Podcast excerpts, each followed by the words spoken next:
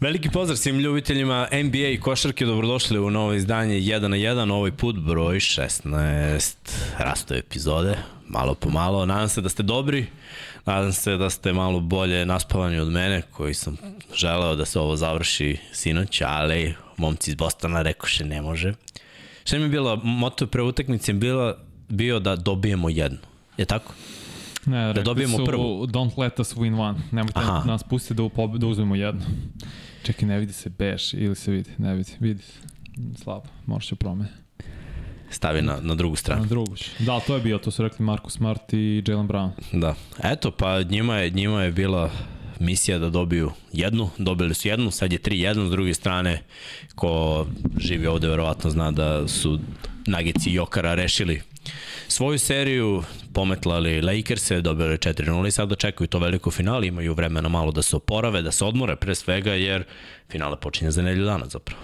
Tako je. Znači ima dosta vremena i iskreno jedva čekamo, nadam se da ste vi dobri, nadam se da čekate s nestrpljenjem da počne ovaj podcast zvanično, eto ja da vas pozovem da lajkujte, subscribeujte se, ako niste, postanite naši članovi, postanite svetioničari ili nas podržite kao pokrovitelji na Patreonu, čekirajte naš shop, kupite neku lepu stvar i da ne zaboravite ako pravite američki futbol ili automotosport, da imamo još neke podcaste Waterpolo takođe, sve to ima pod kapicom, Lab 76, eto večeras ide posle nas i naravno 99 yardi u petak, gde ćemo Vanja ja analizirati rasporedi, ako se desi da ovaj, šta god da se desi sutra uveče, da. pa da, možda ćemo napraviti. Znači, ako dobije Boston i još jednu, Pa onda e pa onda moramo da uradimo bar sat vremena jedan na jedan, pa onda da svi čujemo na 99 yardi.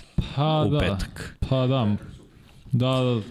Da, da, petak, da. petak. Pa morali bismo, ako, ako Boston dobije utakmicu broj 5, 16. epizoda je danas, Pau Gasol nosio broj 16, legenda Lakersa, hoće da nastavimo Srki dalje, 90, koliko, 7, do 92 dana do svetskog prvenstva, 29 dana do NBA drafta, na današnji dan pre 10 godina Paul George imao brutalno kucanje preko uh, ovog Birdmana iz Miami Hita, kad je prošao Lebron i samo ono, furiozno zakucao preko njega, preko Andersona, tako da da, eto, malo neki mini podsjednik.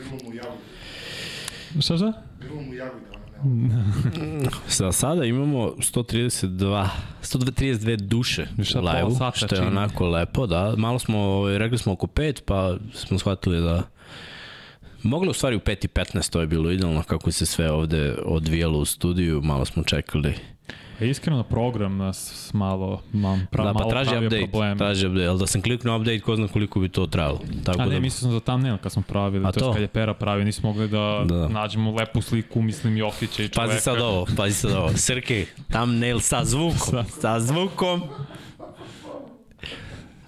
Evo ga thumbnail sa zvukom, ako nas ne čujete, Srki je kriv. Uh, Jokara pokorio zajedno sa Nagicima ELA 4-0, Metlica u finalu, ne pamtim kad sam to video, definitivno najbolji tim i eto vidite taj artwork da, da, da bude kao stripa, opet se vidi onako zalazak sunca tamo na zapadnoj obali, LA u pozadini i sada se ekipa Denvera vraća u Colorado da malo odmori, da se spremi jer imaće verovatno bolji skor, ja verujem da će Miami ovo rešiti. Istinu su vodili na poluvremenu, malo su se opustili, posle Boston igrao neverovatno treću četvrtinu, ali ne verujem da oni imaju u sebi da okrenu ovu seriju što znači da će Denver najverovatnije biti na domaćem terenu, što je za njih i, i tekako velika prednost. Kažu, ljudi šta radite tokom NBA pauze? Pa, Biće, biće ovaj priprema za svetsko prvenstvo, biće turnira za svetsko prvenstvo, bliže se draft, pa onda imamo i slobodne te turnire agente. neke, tako je, slobodni agenti već kreću i manje više. Neke specialitet, da. ono, Pa i da, bit će fokus na svetskom, mislim. Pa da, to će biti u avgustu, svetsko kreće 25. Da. avgusta zvanično, tako da bit će, ne znam, mislim, moja ideja je zamisliti da radimo kao najbolji igrač ikada, najveći, moja da. tvoja lista, čisto malo da uđemo u diskusiju sa publikom. To Ima i 3 na 3 takođe, Ima to ćemo pratiti. 3, tako je, to ćemo se isto potruditi, pratimo možda nešto specijalno spremimo za to ako se dogovorimo sa ljudima, tako da ono, ima šta se radi da se priča, ali svetsko je glavni fokus za leto, to, da. to sigurno. Dobro, eto, odgovorili smo na to pitanje i eto, Srke je već pustio Nagici, počistili Lakers i mi smo krenuli malo da pričamo o tome, analizirali smo tri utakmice do, do ovog podcasta, četvrta je takođe bila, pa da kažemo, neizvesna, napeta do samog kraja, yes, Lebron je odigrao vrhunsko prvo poluvreme, imao je 31 poen u prvom poluvremenu, na kraju mu je falio, falila asistencija za triple-double, ako mm -hmm. se mhm. ne varam. Uh, jako jako dobro su igrali Nagici s obzirom da je nekako i suđenje bilo baš na strani Lakersa, to moram da kažem.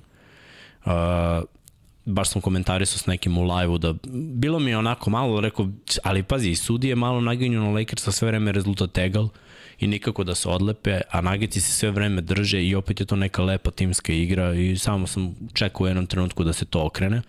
U trećoj četvrtini su prvi postigli do prednosti Nuggets. igrači Denvera, da, i onda posle toga mi je bilo, ok, ajde da vidimo u tom, u tom klaču, u, toj, u tom finišu ko će da bude bolji, za sada je Denver uvek bio bolji u svakoj utakmici, eto i ovde, okrenuli su, poveli su, bilo je nekih propusta, bilo je nekih magičnih poteza, one Jokarine trojke preko ruke, mislim da je demoralisao apsolutno svakog igrača Lakersa svaki put, ove, ali znaš šta, nije to jednom ili dva puta, ove četiri ili pet ih je pogodio. Na ovoj tekme je bilo dva, Tako. dva puta.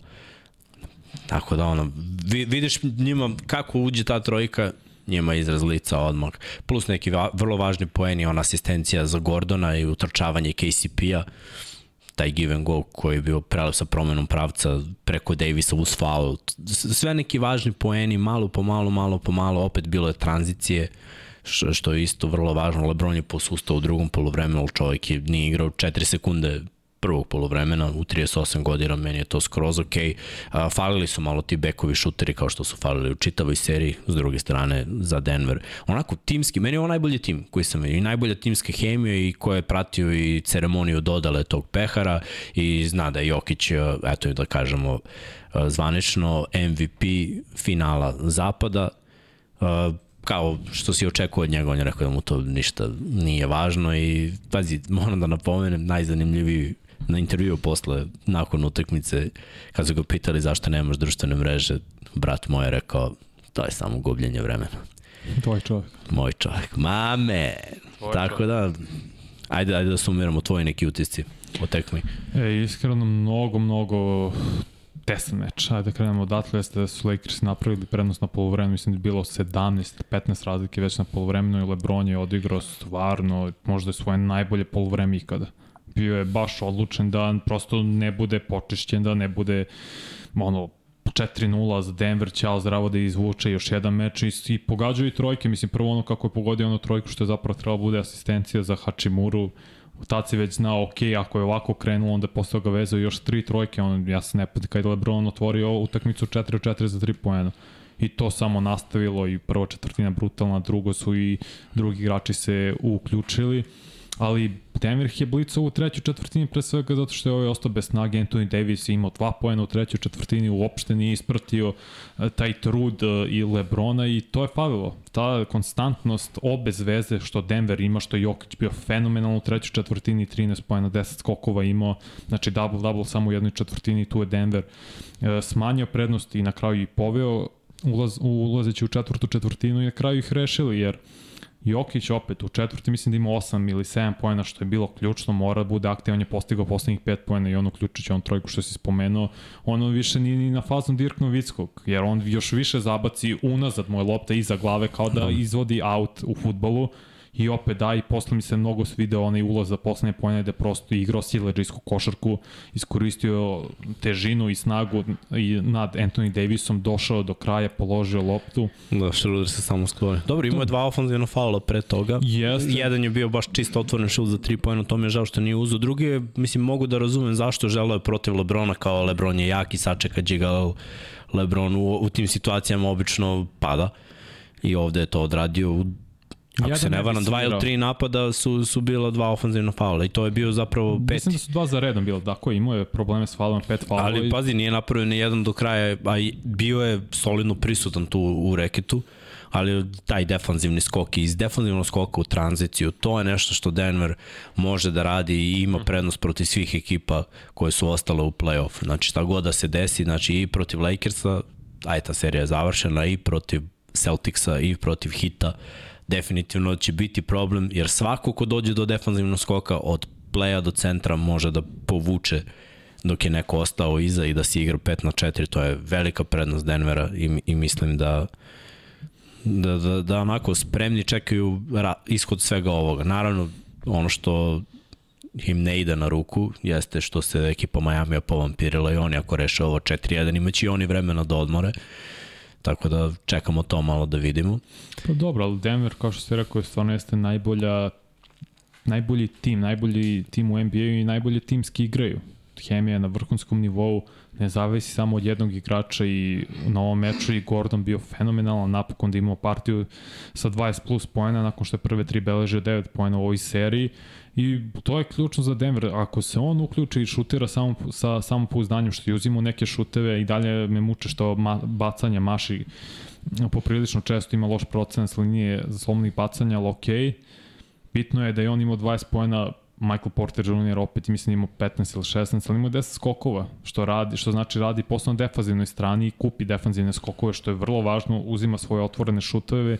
Možda bi on mogao još da ide do kraja da, da izbori više slobodnih bacanja za samog sebe, ali ceo, celi tim Denvera maltene igra sa 6-7 igrača, pošto je Brown, Christian Brown iz sa Kanzasa krilo ispao iz rotacije, tako da je to samo Jeff Green i uh, Bruce, Bruce Brown, Brown sa klupe, tako je, ali e, snalaze se, idu, Lakersi nisu toliko duboko i promenili su petorku, što mi se svidilo što je D'Angelo Russell ušao sa klupe i igrali su sada Hachimura, uh, Austin Reeves, Lebron i mislim da je bio Schroeder, ostao u petorci da bi jurio Mareja i naravno Anthony Davis. Bolje je to petorka za Lakers, ali opet, ostali igrači nisu ispratili Lebrona koji stvarno odigrao čitav meč, što ste rekao, 7 4 sekunde je propustio to je neverovatno i oni posledne dva napada to su bili šutevi iz umora. Nije mi se svidio izbor šuta preko Gordona, ono kad je pogodio stranu table i ovaj poslednji šut. Sjajno odbrano, udvajanje. Tako je, Mare je ostao na strani tu, pomoći. Nije otišao na, za Hachimurom, neko je uspeo da Lebronu iznudi maltene mrtvu loptu, ovo je to izvuko, Gordon je bio tu samo da ga zalepi jer je bio mnogo lakše posao i opet timskom odbranom je Denver to rešio, taj poslednji posled. Da, ja, jako dobro neizvesna utakmica do, do posljednjeg minuta sa, mm. sam je ispratio mnogo zanimljivija nego Sinu, Sinu se nekako već videlo da, da će to biti doslovno u četvrtoj četvrtini, tako da sam otišao na spavanje i stvarno je bilo tako. Mislim, doći ćemo i, i do te utakmice, ali nekako najmanje tih uspona i padova i Miami imao te uspone i padove svoje, mislimo vode 3-0, ne možemo kažemo baš da, da kritikamo bilo šta, ali najmanje zapravo su imali nagici. Od prve serije, preko druge serije do, do sada, njihovi padovi u, u igri su bili najmanji. Mi sad, mi možda navijamo, malo smo pristrasni pa kritikujemo jer želimo savršenstvo, ali svi drugi timovi imaju probleme, padove u određenim četvrtinama, timsku odbranu, uh, rotaciju kad izađu najbolji igrači pa onda imaju taj minus mm -hmm. što se tiče postignutih i primljenih poena, pa kad pogledamo opet uh, koliko doprinose igrači s klupe, evo Denver i sa rotacijom od četiri igrača i sa rotacijom od ono, dva igrača koji ulaze s klupe uspevao da, da održi neku timsku igru. Meni stvarno ovo deluje kao uh, najbolja, na, najbolja ekipa igraju najlepšu košarku po mom mišljenju. Uh, njihovu igru 2 na 2 niko ne može da brani, jer što je rekao Gordon, imaju dva igrača koji su vrhunski talentovani, pogađaju uh, i blizu koša i sa polu distance i sa trojke. Znači u sve tri faze u napadu oni mogu da poentiraju, a pritom jako dobro igraju da li pick and roll, da li pick and pop, da li čak i te neke kombinacije uručenja, give and go utrčavanja. Stvarno mi je prelepo gledati ti neki, te neke izlazne kretnje, pa ti uh, igrači malo krupni što postavljaju blokove, ste tako lepo kreću nakon bloka, katuju ka obruču, ka košu, da da Jokić bez problema sve to vidi i, i deli lepa asistencije. Najkompletniji tim, najkompletniji tim u Belju i napokon ovaj poslednji tim iz čuvene ABA lige da je ušao u NBA finale, to su Sparsi uradili, Indiana Pacers su isto već bili u finalu kao i Neci, tako da eto Denver napokon posle 40 i koliko, 7 godina igraju NBA finale i napokon su i počistili neko posle 45 odigranih serija u play-offu, tako da je to dosta prvenaca za Denver Nuggets i za Nikolu Jokića koji ja mislim sam ovim potvrdio i oduzeo, ba, makar u mojim očima, od Janisa titulu najboljeg igrača u ligi. Još ako se uzme titulu, to je samo potvrda za to, ali opet to je moje neko razmišljanje da ja ne mogu nužno da dam titulu, nazovi tako, najboljeg igrača ako makar ne dođeš do finala ili u nekim slučajem ne uzmeš titulu. Nekom je to taj kriterijum za nekog, ako hoćeš, ako proglašavaš neko je najbolji igrač u NBA-u na svetu, kako god, moraš makar titulu Ja mislim da je Janis bio od kad je uzao titul 2021 do sada, dok Jokić nije došao do NBA finala i verujem da će uzeti jer su bolji timi i od Denvera i od Bostona. I od Miami, to što si ti rekao, Denverovih te uh, nizine. Ti ni, ono, kad igraju loše, padovi, nisu padovi, padovi lepo se to padovi nisu toliko niski kao kod drugih timova. Opet, mm. kad igraju vrhunski, igraju na mnogo višem nivou nego kad igraju drugi no. timovi. Manjak, manjak oscilacije, stvarno. I mm -hmm. opet te oscilacije nisu ni približne kao kod ovih drugih timova. Jer, eto, koliko pratimo Boston, njihovi usponi padovi, oni kad igraju savršeno, stvarno su mnogo težak tim za dobiti, ali padovi u igri su im katastrofalni, mentalno nisu toliko jaki, nemaju taj mentalni sklop. Miami ima taj mentalni sklop, ali u nekim situacijama te, ti njihovi padovi, kalkulacije i, znaš, meni deluju ono, kao, okej, okay, čuvat ćemo se za sledeću tekmu. Denver nema taj moment. Meni deluje da su oni shvatili da, da je ovo njihova godina. Uh, ekipa je građena pažljivo godinama. Svi, svi su nekako To je ono zašto smo ti ja imali tu malu debatu prošle put o, o Bruceu Brownu, jer, znaš šta, o, ovakva hemija u slačionici, to, to neće dobiti nigde drugde. Svi, znaš šta, ako si trenutno u ekipi Denvera, trebalo bi da, da razmišljaš o tome, da uzmeš manje para, jer ova ekipa može da bude na vrhu 2-3 godine, sigurno. Posle 2-3 godine vidjet ćeš naravno koliko se osvoji, šta se desi, ali nakon toga već biraš dalje ruk. NBA-u može da se igra još neko vreme.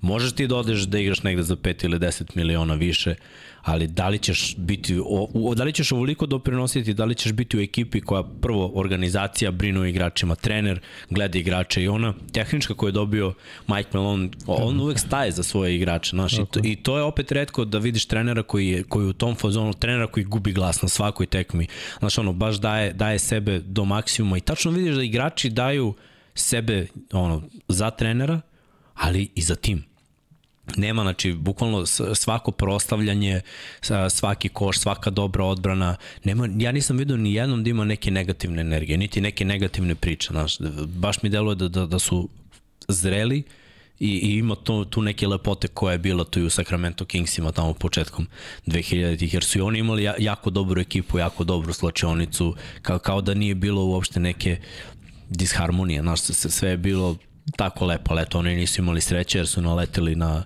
a, jednu dinastiju. Timove, tako je, tako je. E, a ovi, ni, ovi nemaju trenutno ni jednu dinastiju. Znači sad je prozor, pritom pričali smo o tome šta se dešava u NBA-u i na zapadu mm -hmm. i na istoku. Sad je vreme da, da se, da, ako ništa drugo, management shvati ovo i, i da privoli igrači da shvati i da nekako privole da, da ekipa ostane na okupu. Jer ova ekipa je baš opasna. A talentovane, na sve strane, stvarno kad vidiš peto, prvih 5-6 igrača, možda 7, vrlo su, vrlo su talentovani i to je razlika između Denvera i, i skoro svakog tima, zato što su stvarno što se tiče samog talenta veoma duboki, jer Miami ok igra s tom mentalnom uh, nadmoću protiv skoro svake ekipe i, stvar, i igraju čvrsto i fizikalno, ali nedostaje im određeni moment talenta. I to se videlo sinoć protiv Boston, o tome ćemo pričati. Bostonu fali mentalna snaga. Lakers ima nedostaje talent jer su dva najbolje igrača odigrali svoje, ali nimo ko da ih isprati i opet odigrali su svoje u nepoželjnim momentima u smislu u poslednjoj četvrtini nisu imali snage. E, Davis je bio ok u poslednjoj četvrtini, mislim da imao koliko 8 pojena, dao 4 šuta iz igre, čini mi se.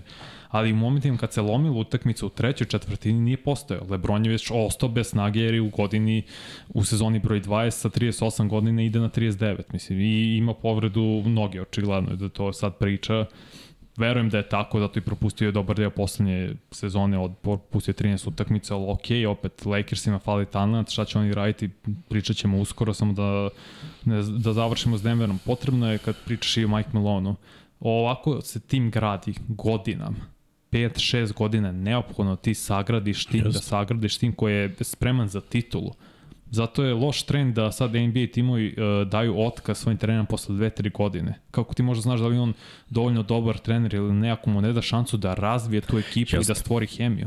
E sad, Melone malo imao i sreće da je ta ekipa Denvera ulazila u playoff dok su bili u izgradnji. To je onako bilo ok, čovek je tek došao, a ekipa ulazi u playoff i nanjušilo se. Pa Eto, nije, da, kako, da, da ušli su playoff kada? Prvi sa njim 2019. mislim. Ne, ne, ne, bilo je. Nije. Jeste, pa radio sam ja na, na Bilo 2013. poslednji put da su igrali Sigurno. bez njih. Pa sad ću pogledam. Ja sam nešto ubeđen da smo Lakija giljali tamo. Ajde sad ću pogledam, sad ću pogledam baš. Ali opet su bili na par utakmica od play-offa, to znam, jednom ih je Minnesota dobila, to, jednom ih je Portland, jednom ih je Portland izbacio da, da, da. isto. Ali su bili bukvalno na jednu tek mod. Sad ću, sad ću Inače, znaš što nismo rekli? Šta? Da je Jamal Murray u stvari draftovan pikom koji su dali Nixi za, za Carmela Anthony. Yes, Eto, to prošle nedelje nismo, nismo pomenuli. Nije prošle, mogli... to je bilo pre dva dana. Polu, poludi čovjek. Meni ovde prolaze, ne, viš koliko starim kao da nedelja prolazi. Uh, e, jeste, pazi, evo ti, znači igrali su playoff 2012. 2013. poslednji put, pa onda pauza sve do 2019. 19. dobro. Da, imali su tu taj period, ono, Jokić sazrevanje, Maris, da. klinci su, izbacio ih je Butler jedne godine pred sam. Ali to su bukvalno bile, znaš, utakmica od. I onda kao gledaš, pa okej, okay, nije to toliko loše. Pritom Zapad je tad bio, pripadao Golden State, State Warriorsima, tako da nije baš moglo ni da se zameri previše. I Portland je bio jako talentovana ekipa Portland tad. Portland ih izbacio 2019 da. u sedam utakmica utakmice kad je da, CJ da. McCallum pogađao sve sa pol distanca. To smo Luka, i, Luka i ja radili. E, ajde, ajde ovako da zaboravili smo, ali ne zaboravljamo da se zahvalimo našim sponsorima Admiral Betu mm -hmm. na, na podršci i kao i svake nelje i kao i svakog podcasta mi imamo te free betove koje delimo. Inače imamo 365 duša u live-u, 112 lajkova, daćemo prvi free bet, ali kad završimo u Miami da se pojačamo na taj broj lajkova na 200, da zavrtimo algoritam, malo više ljudi da dođe do saznanja šta je jedan na jedan i malo više ljudi da nas isprati, tako da Vanja, da li imaš neku ideju za pitanje, si spremio? Ti si, Nisam ja sad nisi. razmišljam bukvalno, sad ću setit ću se nečega. Ajde, taman, završili smo nagice, pa da bacimo Možemo da to. Možemo da se okrenemo Lakersa, mislim, završili su sezonu, Ajde, da vidimo... Da ih odjavimo. Pa da, za... Hm? Pa, ajde, pro, može, proći ćemo, proći ćemo malo, tamo, može, proći ćemo može. malo statistike. Uh, ajde da kažemo ovako, LeBron na visini zadatka najbolji igrač je bio na ovoj utakmici. Bilo je solidnog doprinosa. Ja bih rekao ono što mi je najviše falilo u ovom playoffu Lakersa jeste šut i neko je ovde napisao da D-Low da ga ne bi ni Howard zvao tamo u Tajvan da, da igra. um, baš znaš šta, koliko je bio važan da oni uđu u playoff i imao je u tom play-inu jednu dobru utakmicu u prvoj seriji, jednu utakmicu toliko je zakazao na kraju uh, 15 minuta, 4 šuta je uzeo, 2 od 4, 0 od 1 za 3-4 poena. Tristan Thompson imao 4 poena, 10 minuta, onako malo defanzivni doprinos. Uh, Walker 2 poena, to je klupa. Starteri su svi bili dvocifreni, Davis 21 poen, 14 skokova, 10 poena za Hačimuru, 3 od 12 iz igre, katastrofa, ali eto, rekao sam, on ima vrhunske tekme, ali jedno dođe da, da, da je loš. LeBron James 40 poena, 10 skokova, 9 asistencija, maestralna partija, 38 godina čovek ima 48 minuta da igra i ovako. Imao je grešaka mnogo, u nekim momentima jer je preuzeo odgovornost, a videlo se da, da ono, nema toliko jake noge ispod sebe, da, da izdrži toliko mhm. odgovornost, jer da ima ima bi 50 poena. Da je ovo pre 10 godina... Ma da je pre 4-5 godina. Samo mu je nestalo gasa u jednom trenutku i eto, videlo se to. Schroeder 13 poena, Reeves 17 poena. Opet taj Reeves meni deluje kao jedan od najboljih igrača i konstantan u ovom playoffu je tu između 15 i 20 i to je bilo jako dobro. Uh, šta da kažem, Lakersi imaju dosta pitanja što se tiče uh, free agencija, njihov roster neće ostati isti, priča o tom Anthony Davis, bilo je pitanje upućenih i za Lebrona i za Davisa šta dalje, koje su ambicije za sledeću sezonu. Mislim, finala zapada za ekipu koja je ušla u playoff je velika stvar, Da, ekipu su menjali Lakers. tri puta u toku ove sezone i na kraju su sklepali ovu ekipu koja je odradila posao. Jednostavno fali talenata. Lebrona moraš da okružiš šuterima, Lebron zahteva spacing i mora da ima nekoga ko, ko skači, ko igra dobro odbrani, što je Anthony Davis. Tako da za Lakers se, pa rekao bih, zadržati Reevesa, Davisa, Lebrona i graditi oko. Hačemura bi trebalo da ostane po mom mišljenju jer uh, donosi fizikaliju, igra dobro odbrano, ali bekovi šuteri to treba menjati i treba gađati u, u, u smeru, znaš, Koga? To je sad pitanje veliko. Pa, vidjet ćemo, znaš, ide free agency, neću sada da pričam unapred, ali ja znam šta im treba. Mislim, i ti si svesno šta im treba, je tako. Od pozicije 1 do pozicije 3, znači moraju da imaju nekog sklupe na kog mogu da se oslone, da, da, da može da, da šutira, trebaju im pozicije 1 i 2, ajde da kažemo da, da će Reeves da bude starter, ali isto rezervista na poziciji 1, mm -hmm. da ne bude Schroeder, već neko na koga više možeš da se osloniš, i pozicija 2, neko ko će biti u startnoj petorci, neko ko je uh, konstantno dobar šuter. Znači, Uh, dobar odbranbeni igrač, solidan odbranbeni igrač i jako dobar šuter za 3 poena. Eto, to je ono što, što im je preko potrebno. Složio bi se u većini slučaja, mislim, ovo nije uspeh za Lakers i za LeBron James. Kako god su okrenuli sezonu, nije uspeh finale konferencije, bi Lakersi su poznati po titulama, njima je uspeh titul ili ništa. Zato ne mogu, i za LeBron James isto važi. Čovjek je igrao 12 puta finale konferencije, 10 puta NBA finale, ovo za njega nije uspeh. Ali, Lebron je ulazi sledeće godine u sezonu 21. Možda i ne ođe, pošto je rekao da će razmisliti o svojoj košarkaškoj budućnosti. Ne verujem da će otići u penziju, iskreno. Mislim da je to samo ovako njegova pasivna agresivnost.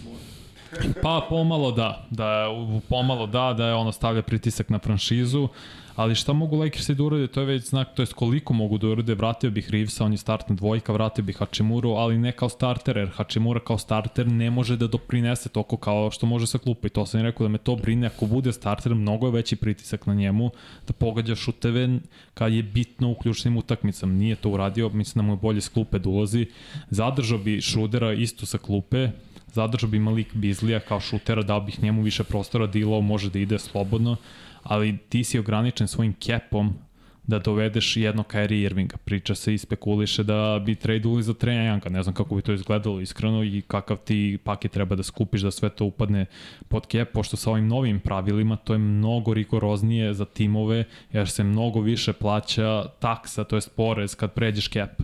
Mnogo uh mhm. -huh. više, sad je mnogo teže da praviš super timove, što je u jednu ruku super. Jeste, ali Lakersi moraju možda to da urade, jer prozor je dve godine. Max. Vego možda samo godinu dana. Tako je. Zato što LeBron za drugu godinu ima ovaj opciju da izađe iz tog ugovora i da ide u tim koji će draftovati Bronija. To je druga priča, tome će se baviti nekom drugom prilikom, ali bih ozbiljno razmislio o tome da se trade Anthony Davis. Sada, nakon što je imao vrlo dobar playoff, u momentima odličan, da ti na, napraviš trade paket da dobiješ što više za Anthony Davis, jer nije više potrebno Lebronu samo šuter i potreban je neko ko može bude zaista igrač broj 1 ili makar bara bar sa njim da ako, on, ako Lebronu ne ide, on može da preuzme ofenzivna strana, jer Anthony Davis ne može.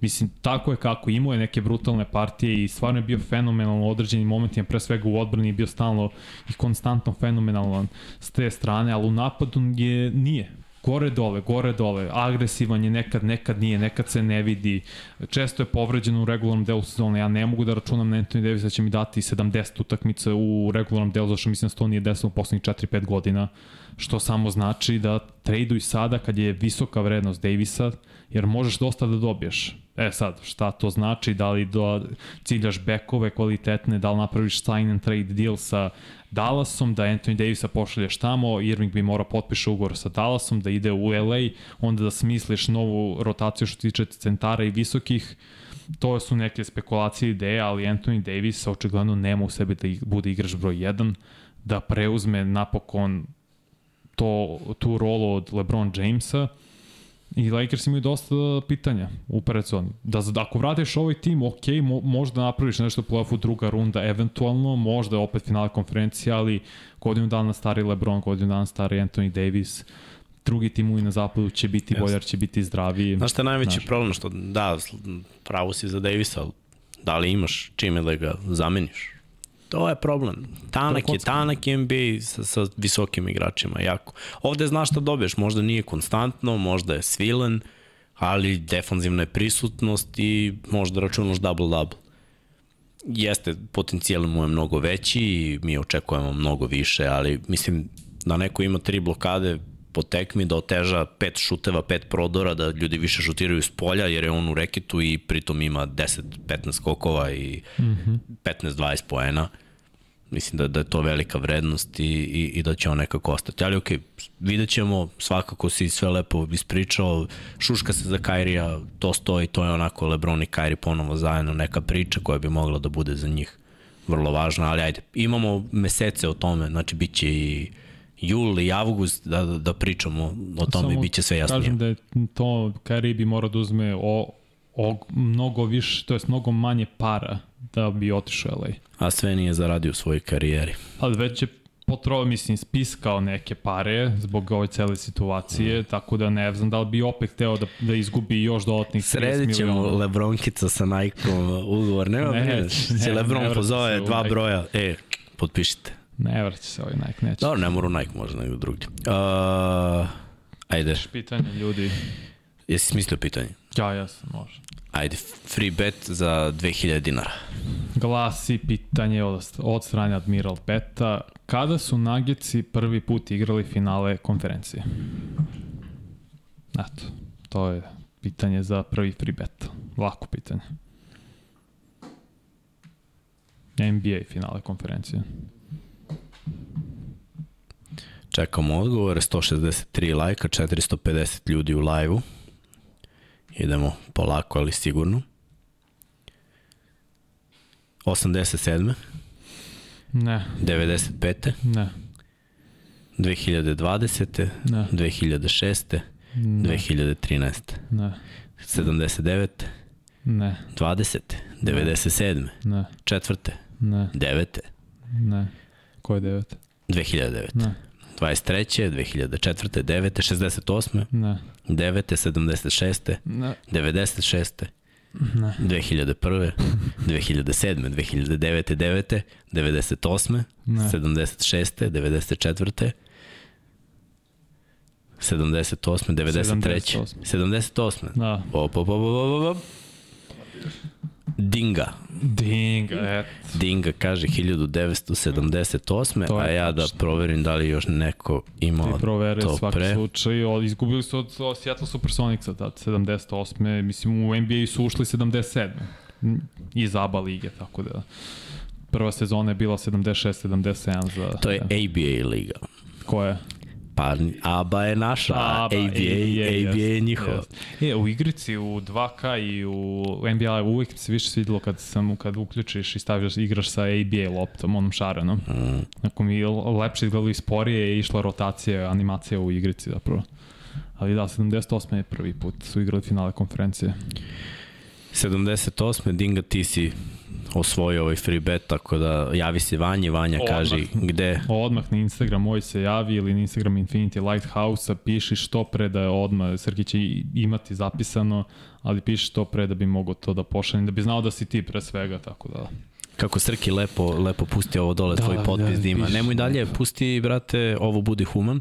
Da. Ljudi, da. imam, imam ovaj, uh, veliku želju da, da, da vas zamolim da pomognete ako možete jednoj moji prijateljici, da Jovana pobedi svoju borbu, uh, hitno je, pa ako možete, broj 1492 na 30, uh, 30, koliko god, šta god, ako ste u mogućnosti, vaša dobra volja svakako pomaže dosta i potrudit ćemo se ovde da u svim podcastima malo pom pokušamo da, da pomognemo ako je moguće, inače Jovana je bila cimerka na fakultetu moje lepše polovine i onako svima naravno kada pogledate ovako i u svakom našem podcastu koliko ljudi samo je potrebno pomoć i mi se mm -hmm. trudimo da to uradimo i možda nismo u ovim prethodnim epizodama stavljali, ali eto sad je neko koga poznajemo, pa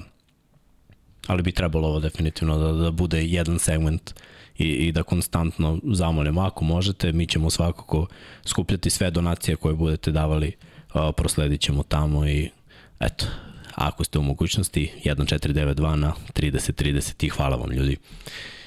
A mi možemo da idemo na sledeću, a to je Boston koji je dobio Miami. Pa, Prvo meč lopta, nije iskorišćena Pa dobro, znaš kako, i delovalo da će biti iskorišćena u prvom polovremenu u Miami igrao malo bolje, napravili su tu razliku od 6 pojena, bilo 56-50, u nekim momentima mogli su i više da se odlepe, Boston se držao, vraća tu prednost držao u neki normalnu razliku da nikad ne ode preko, da, da nikad ne bude dvocifrena razlika. I u početkom treće Miami se opet odvojio na 9, ali je tad Jimmy Butler krenuo po, ovo je Jimmy Butler, pardon, Jason Tatum krenuo pogađa šuteve, vezuje mislim dve trojke u jednom momentu i nakon toga prosto Boston je što bi se reklo, blitz krig, krigovao Miami u, i dobili treću četvrtinu 38-23 velikom razlikom i četvrtom se samo odvojili i malte ne dokazali da su sinoć makar bili bolji tim. Igrali su mnogo bolje u drugom polovremenu, izgubili su svega dve ili tri lopte. Miami je igrao mnogo traljavo, nefokusirano, dok s druge strane je Boston igrao sa int intenzitetom, mnogo jačim nego u prethodnim mečevima, sa fizikalnom, jakom odbranom, bili su čvrsti i išli su do kraja i videli su da je bila ta urgency, što mi smo sad zapravo, to jest ti si i dobru reč iskoristio da to hitnost, znaš. Shvatili su da je ovo sad ili nikad. No. I tako su igrali u drugom polovremenu i pogotovo u četvrtu četvrtini kad je bilo pet za njih i onda je samo išla serija 14-3 u tom momentu i odlepio se Boston do kraja, pre svega zato što iz sjajne odbrane ide dobar napad tri napada za redom su blokirali šut Miami Hita, to je šuteve Majamija, iz toga stvorili poene, iznutili dosta izgubljenih lopti, imali 27 poena iz toga, tako da Boston je odigrao onako kako smo mi zamišljali da Boston može stalno da igra. Iz čvrste, dobre odbrane da ide dobar napad. Da, ali nije bilo tako u nije. dosadašnjim utakmicama, bar ne celim. Ali ovde nije počelo tako. 29-23 za Miami u prvoj četvrtini, Egal mm -hmm. je bio u drugoj 27 poena za obe ekipe, 6 poena na polovremenu je imao Miami više, ali delovalo je okej. Okay. Krstare polako ali sigurno ka pobedi. A onda je došla ta treća četvrtina i taj defanzivni pad pre svega Majamija, ulazile su neke trojke Bostonu, one koje im inače nisu ulazile, treba i to reći. Uh, Tatum je pogodio dve iz onog njegovog stebeka koji nije bio otvoren šut, uh, takođe Horford pogodio tri trojke na ovoj utakmici. Uh, meni nekako delovalo da je Williams bio faktor, imao je par dobrih defanzivnih intervencija, jednu blokadu, ali pogađao i on trojke. 4 6 imao mm -hmm, za 3 mm -hmm. pojene. To je taj neki spacing koji je proradio, Smart je podbacio u ovoj seriji, ali imao tri trojke na ovoj utakmici. White je imao tri trojke na ovoj utakmici. Brown je katastrofa u ovoj seriji, ali je dodavao, imao je par, da je bio sam na trojici pa je spuštao loptu za Williamsa, dva puta mu je stavio loptu ono, na, na, na zicar, bukvalno samo da spusti loptu u obruč, što je okej, okay, ne ide ti šut, nema šutiraš trojku po svaku cenu, već nađi bolje rešenje. Rekao si ulazi, Tatum je imao dosta više ulaza nego pre, taj pad defanzivni Miami, 38 pojena u trećoj četvrtini, to je rešilo tekmu. 38-23 je bilo. 15 razlike u toj četvrtini i posle 28-20 u četvrtoj, mada Miami je već odlučio da odmara. Ja e sad, Miami kakva je ekipa, rekao si, mentalno jaka, za njih ovo možda i nije toliko strašna stvar, jer oni idu u Boston i u fazonu su, ono, nije su prva ekipa Celticsi koji će oni dobiti na, na gostovanjima, dobili su ih i prve dve u TD Gardenu, dobili su i druge ekipe na, na gostovanjima, tako da ja ovde uopšte ne sumnjam da Miami može da završi ovu seriju, ali ako sebi dozvole ovakav pad koncentracije, pad energije defanzivno, ako Boston dobije ovo na 3-2, E, tad ćemo da vidimo, znaš, ja ne sumnjam u mentalnu čvrstinu Butlera, Adebaja, Laurija, ali ovi drugi momci koji nemaju toliko iskustva, e, za njih nisam siguran. Još uvijek se Miami nije našao u toj situaciji, bili su dominantni i u prvoj seriji protiv Milwaukee, koja je bio prva ekipa na istoku, nije bilo sedam utakmica, dobili su to lakše. Pet. Uh, nije bilo problema protiv Nixa, nije, Šest. nije bilo sedam utakmica. E sad, ovde ne smiju sebi da dozvole šest ili sedam po mom mišljenju. Ne žele da daju Bostonu vetar u leđa. Sledeća utakmica mora da se reši, ali ova utakmica nije bila dobra. Ajde da kažemo malo statistike. Tatum 14 od 22 iz igre 33 poena, odigrao kao zvezda. E, Brown kao... Piše, tri, izvini što preki, negde piše 33, negde piše 34, mislim to zavisi od šuta za 3, da li su stavili kao 3. Je, jedan, da šut je bio, jedan šut je bio diskutabilan. Tako je, tako Mislim da je bila trojka, ali da, da je znam upisano kako, kao, kao dva poena. Da, ne znam kako računaju, ali negde sam pročitao 34, tako samo to ne zbuni ljude. Ono, mislim, imao je 25 poena u drugom polovremenu. Da. Stvarno je izvukuto. Brown slab šut iz igre, mm. 7 od 16, naročito za 3 poena, rekao 1 od 5, ali 17 poena, 16 za Vajta, 12 za Horforda, to je ono dvocifren, to je već razlika, 11 za Smarta, sklupe 14 poena Williamsa, to je onako bilo baš važno. 7 poena za centra Williamsa. 22 minuta. Dobro. Da, A što pa... se tiče Majamija, 29 poena Jimmya Butlera, 9 od 21, dosta slabiji procent je šuta za, za Jimmya. 17 poena za Vincenta, jako dobar je bio Martin klupe, 16, ali 14 imao na polovremenu. I onda Nije samo dva poena, da, dva poena do kraja. Treba reći da je ponovo dosta problema bilo za Laurija, 2 od 8 šuta iz igre, 1 od 5 za 3, bilo je dosta otvorenih šuteva za 3 poena. U prvom polovremenu imao dva totalno otvorena, nakon dobrih dodavanja, 5 poena samo za njega. I kad pogledamo ovako, malo je Strus podbacio, 1 od 5 za 3 poena, 9 poena samo za njega, Lav 6 poena, 2 od 4 za 3, Butler 1 od 4 za 3, Vincent 1 od 4 za 3, Martin 2 od 5 za 3, Robinson 0 od 4, to je ta jedna utakmica kad se on ugasi potpunosti ne može ništa da pogodi, Lauri 1 od 5 i kada tako šutiraš za 3, 8 od 32, to je 25%, kada ne veruješ, mislim Miami je živio te trojke, dosta tih prodora, penetracija se završavaju izlaznim dodavanjima Tako. gde neko sami šutira trojku. Ako šutiraš 25% ne možeš da pobediš, ali ja mislim da to ne može Miami da se desi na više od dve, tri utakmice, a sebi su već omogućili meč loptu i u sledećoj i oni tamo ponovo kod kuće. Tako da, da u najgorem slučaju ovo mogu da reše 4-2 ako Ako se u TD Gardenu Boston da dobije nešto. Pa znaš kako Boston je pod tim koji zapravo zavisi od svog šuta za 3 poena i to da šutnu dovoljan broj, dovoljan broj trojki i od jake odbrane. Odigrali su jako odbrano, šutnuli su 45 trojki, dali su 18, oni su u ovogodišnjem playoffu u 14 utakmica kad daju 15 trojki, oni imaju 7-1. Kad daju ispod 15 trojki nisu pobedili sad, 0 od 6. Što znači to je recept, očigledno, da ako daju više od 15 trojke, ali moraju da šutnu dovoljni broj put. Mislim da je ovo, ovo utakmica, da su na ovoj utakmici najviše trojke šutnuli u ovoj seriji, to je 45 kao što sam rekao. S druge strane, Miami je za 3 poena šutirao u prva 3 meča 42%, ti sad rekao da su šutnuli koliko, da su pogodili 25. Tako da, evo sad čitam i, pardon, 48% šutirali iz igre do sada. Imali su sad 16 izgubljenih lopti, u prve 3, 12 u proseku.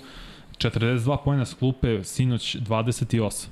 Znači, da, i, na šta je još bio problem? Kompletno. Te izgubljene lopte su vodile do poena Tako je. Celticsa mislim da su skoro 30 dali. Mislim 27, da, 27 to. poena su imali izgu, izgubljenih lopti Miami Heat, tako da je opet Boston je igrao svoju igru onako kao što, što mi očekujemo na jednom vrhunskom visokom nivou. S druge strane Miami, pre svega Adebayo nije bio dovoljno agresivan kao što je bio u prethodnim utakmicama jer je u prve tri beleži 18 pojena, 9 skoko, ono što je rekao mora oko 20 i 10.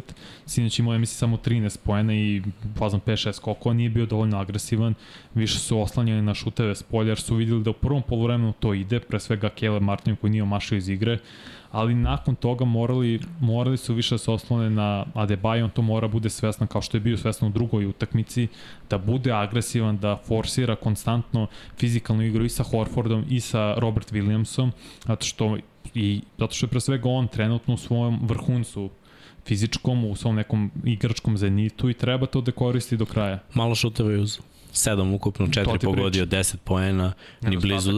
I jedna asistencija mu falila da ima triple-double prošlu tekmu, ovu tekmu onako baš iz drugog plana. Mada opet kažem, oni su želeli da šutiraju s polja, to im je bila zamisao, to im je obično ulazilo na ovoj utakmici, katastrofa s polja i eto, nisu bili ni blizu. Evo, pita Andro zbog čega Debajo nije više šutirao zadnje dve tekme. Pa znaš kako, ja verujem da, da je Treću oni se mora. hrane, oni se hrane malo mm -hmm. to tom nekom timskom energijom ofanzivno i nakon što svi šutnu trojke i pogode i njemu je lakše da napadne jer znaju da sve funkcioniše i onda kao je da proradi iznutra, ali kad krenu da padaju, oni veruju, Miami veruje da može da se vrati trojkama i veruju svakog svog šutera da će pogoditi, ali ovoj tekmi niko nije bio raspoložen šuterski.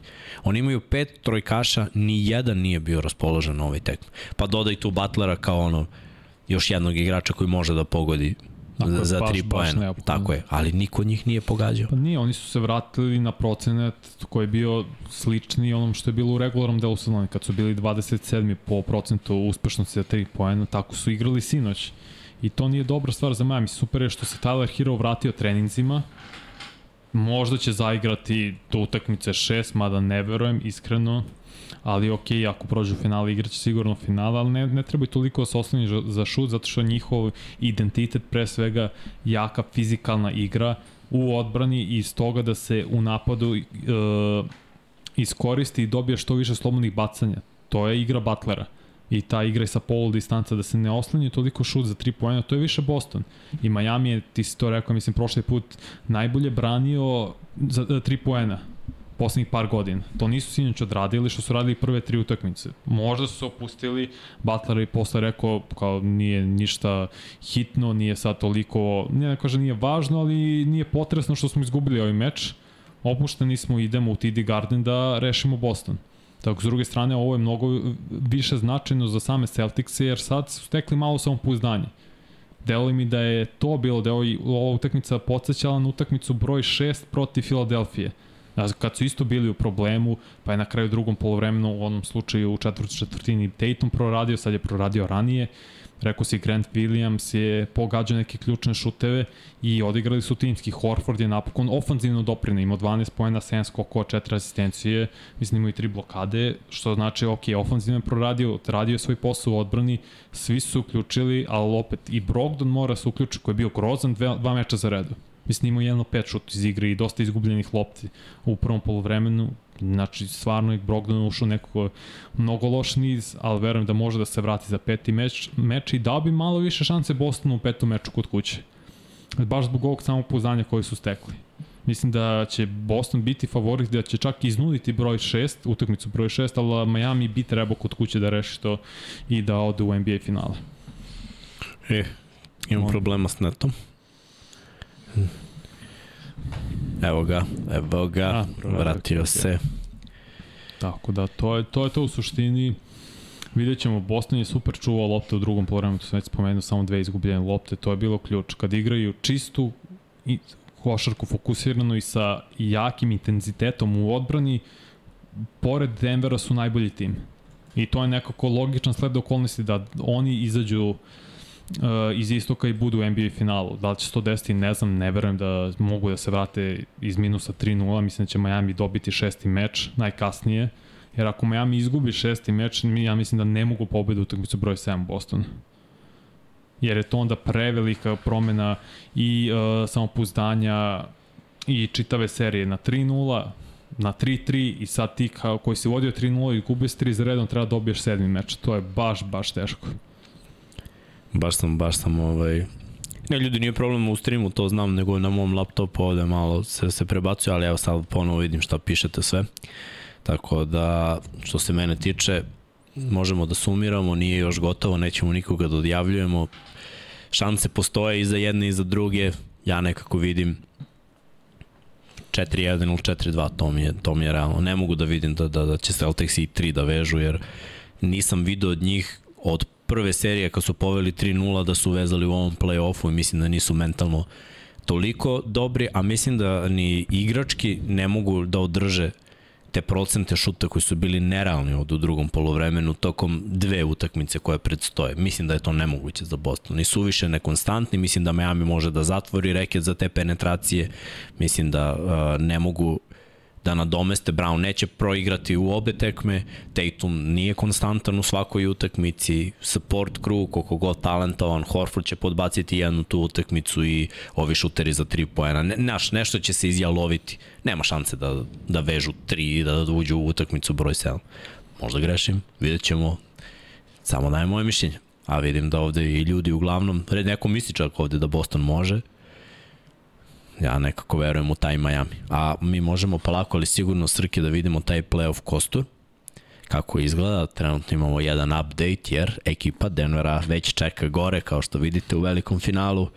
Spremni su kao prvi nosilac na zapadu ko će biti drugi finalista. To još uvek ne znamo. 3-1 vodi Miami. Ako Miami pobedi, s obzirom da su bili osmi na istoku, prve dve utakmice igraju se u Denveru. Mm -hmm. Ako Boston pobedi, imali su bolji skor. Tako u TD Gardenu se igraju prve dve tekme. Tako da i zbog toga navijamo malo za, za Miami, ne samo zbog mečapa, ali definitivno neki moj bar osjećaj subjektivni da je Denver kompletnija ekipa, da imaju manje oscilacije u igri i da su spremni da je ovo njihova godina. Da? O, može pitanje, može, može. Drugo pitanje od Admiral Beta za free bet od 3000 dinara glasi koji igrači imaju u ovom play-offu kombinovano preko 50 blokada i ukradenih lopti? Malo teže pitanje, ali eto, odbrambeno više. U play-offu? U play-offu koji igrači imaju kombinovano preko 50 blokada i 50 ukradenih. Znači ne 50 blokada i 50 ukradenih, neko kombinovano te dve kategorije. Bolest. Nemam pojma. nisam ja znao dok nisam vidio. Izmišlja Vanja. 100%. to se inače zove Stocks. Steals and Blocks. Stocks. Da. Akcija da nisu. Uh, ovako. Davis Butler? Nije. To sam ja mislio. Znači nije. Adebayo i Davis? Ne. Embiid, Jimmy? Ne.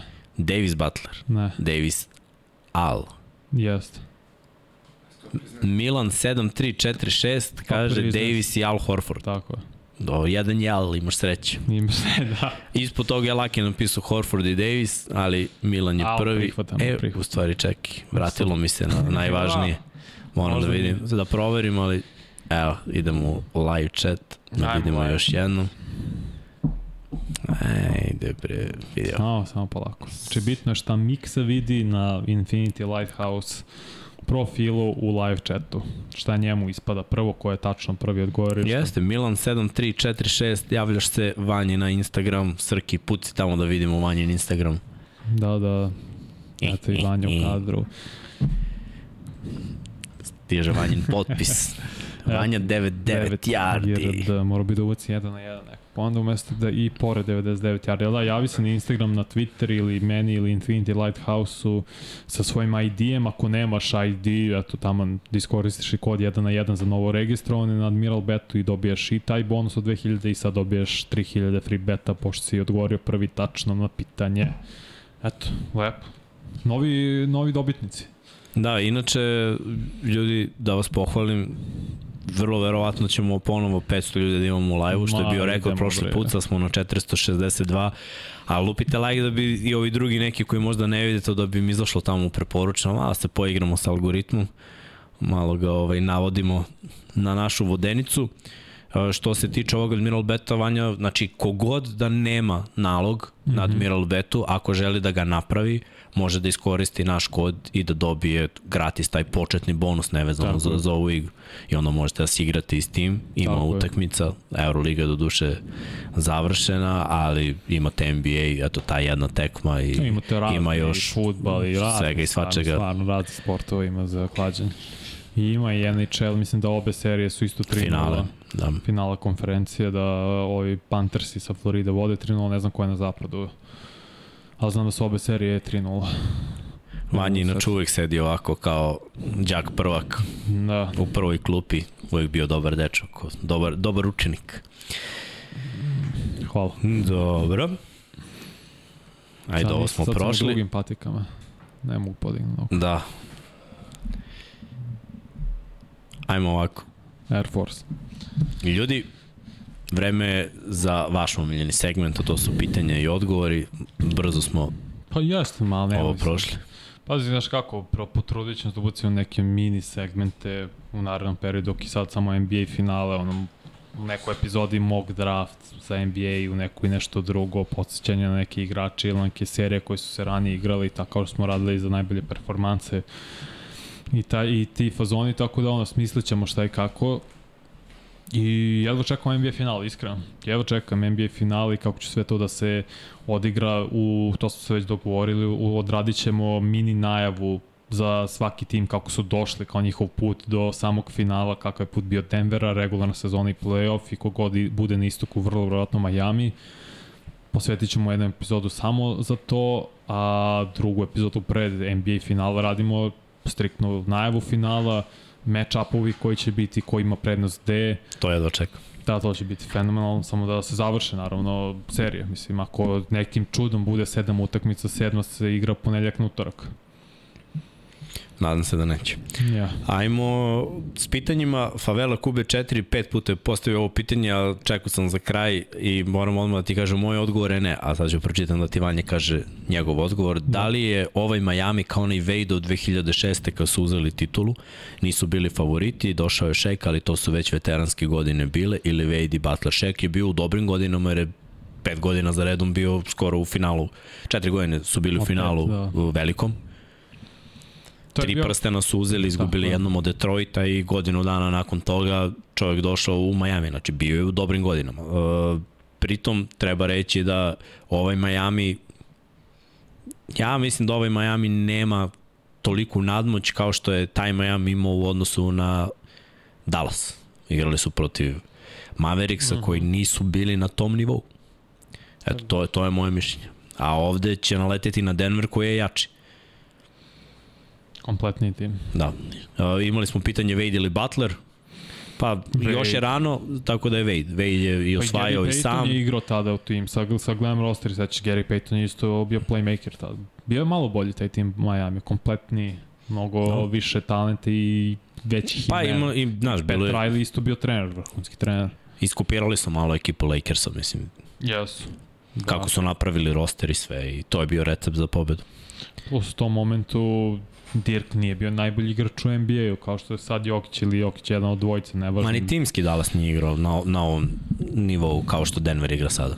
Nije. Ovo što igra Denver, to je, kažem, to je baš, baš redko. To je taj fazon. Kaže, Panja dovedi Miksu na Stojčino na basket. Šta je Stojčino? Stojčino brdo. brdo Mirjeva. Umirio, a? Tereni, baš su lepo tereni, iskreno. A, čekirat ću. E, mogli smo jednom stvarno da igramo basket s ljudima. Baš stvarno razmišljam kad je ovaj, ne znam ko je postavio pitanje u subotu da dođemo, ili to bio petak, subota, subota je bila da dođemo nakon podcast na basket, da mogli bi se stvarno jednom igram i sa basket, dugo nisam igrao, tako da što da ne, smislit ćemo samo ne, neki dan, možda pre nego što Miksa ode. Jel realno da Jović dobije minute? Ha, nisam siguran, sve zavisi no. od razvoja utakmice, mislim da Šteta što se povredio, da nije, mislim da je mogao da nađe u celom ovom play-offu neke minute, ali sada, uglavnom, ako je... Garbage da. Da, velika razlika. Da li mislite da Bron ide u penziju? Ja ne. Ne mislim ja, mislim da je to samo njegova pasivna agresivnost i pristavljanje pritisak na franšizu. Mislim, Tako je. 50 da, miliona bi zarađivao sledeće godine. Da. Da li LeBron može da osvoji prsten sledeće sezone, zavisi od ekipe. Moraju da naprave ekipu koja odgovara njemu i njegovim talentima. Uvek je tako bilo. Lebron je jedan mm -hmm. od mhm. najboljih GM-ova da bira svoje saigrače i trenere. On to radi i radi uspešno i kada god ga poslušaju i daju mu ono što njemu treba, to bude dobro. Samo mislim da sada treba da, bude, da nađe neko ko će biti opcija broj 1, da ne može više Lebron to da bude. Da, kako sačuvati Butlera ako Miami prođe u finale, pa znaš šta, u, u principu i ne treba toliki fokus da bude sačuvati Butlera, jer vidiš da Butler ima Butler igra nesebično.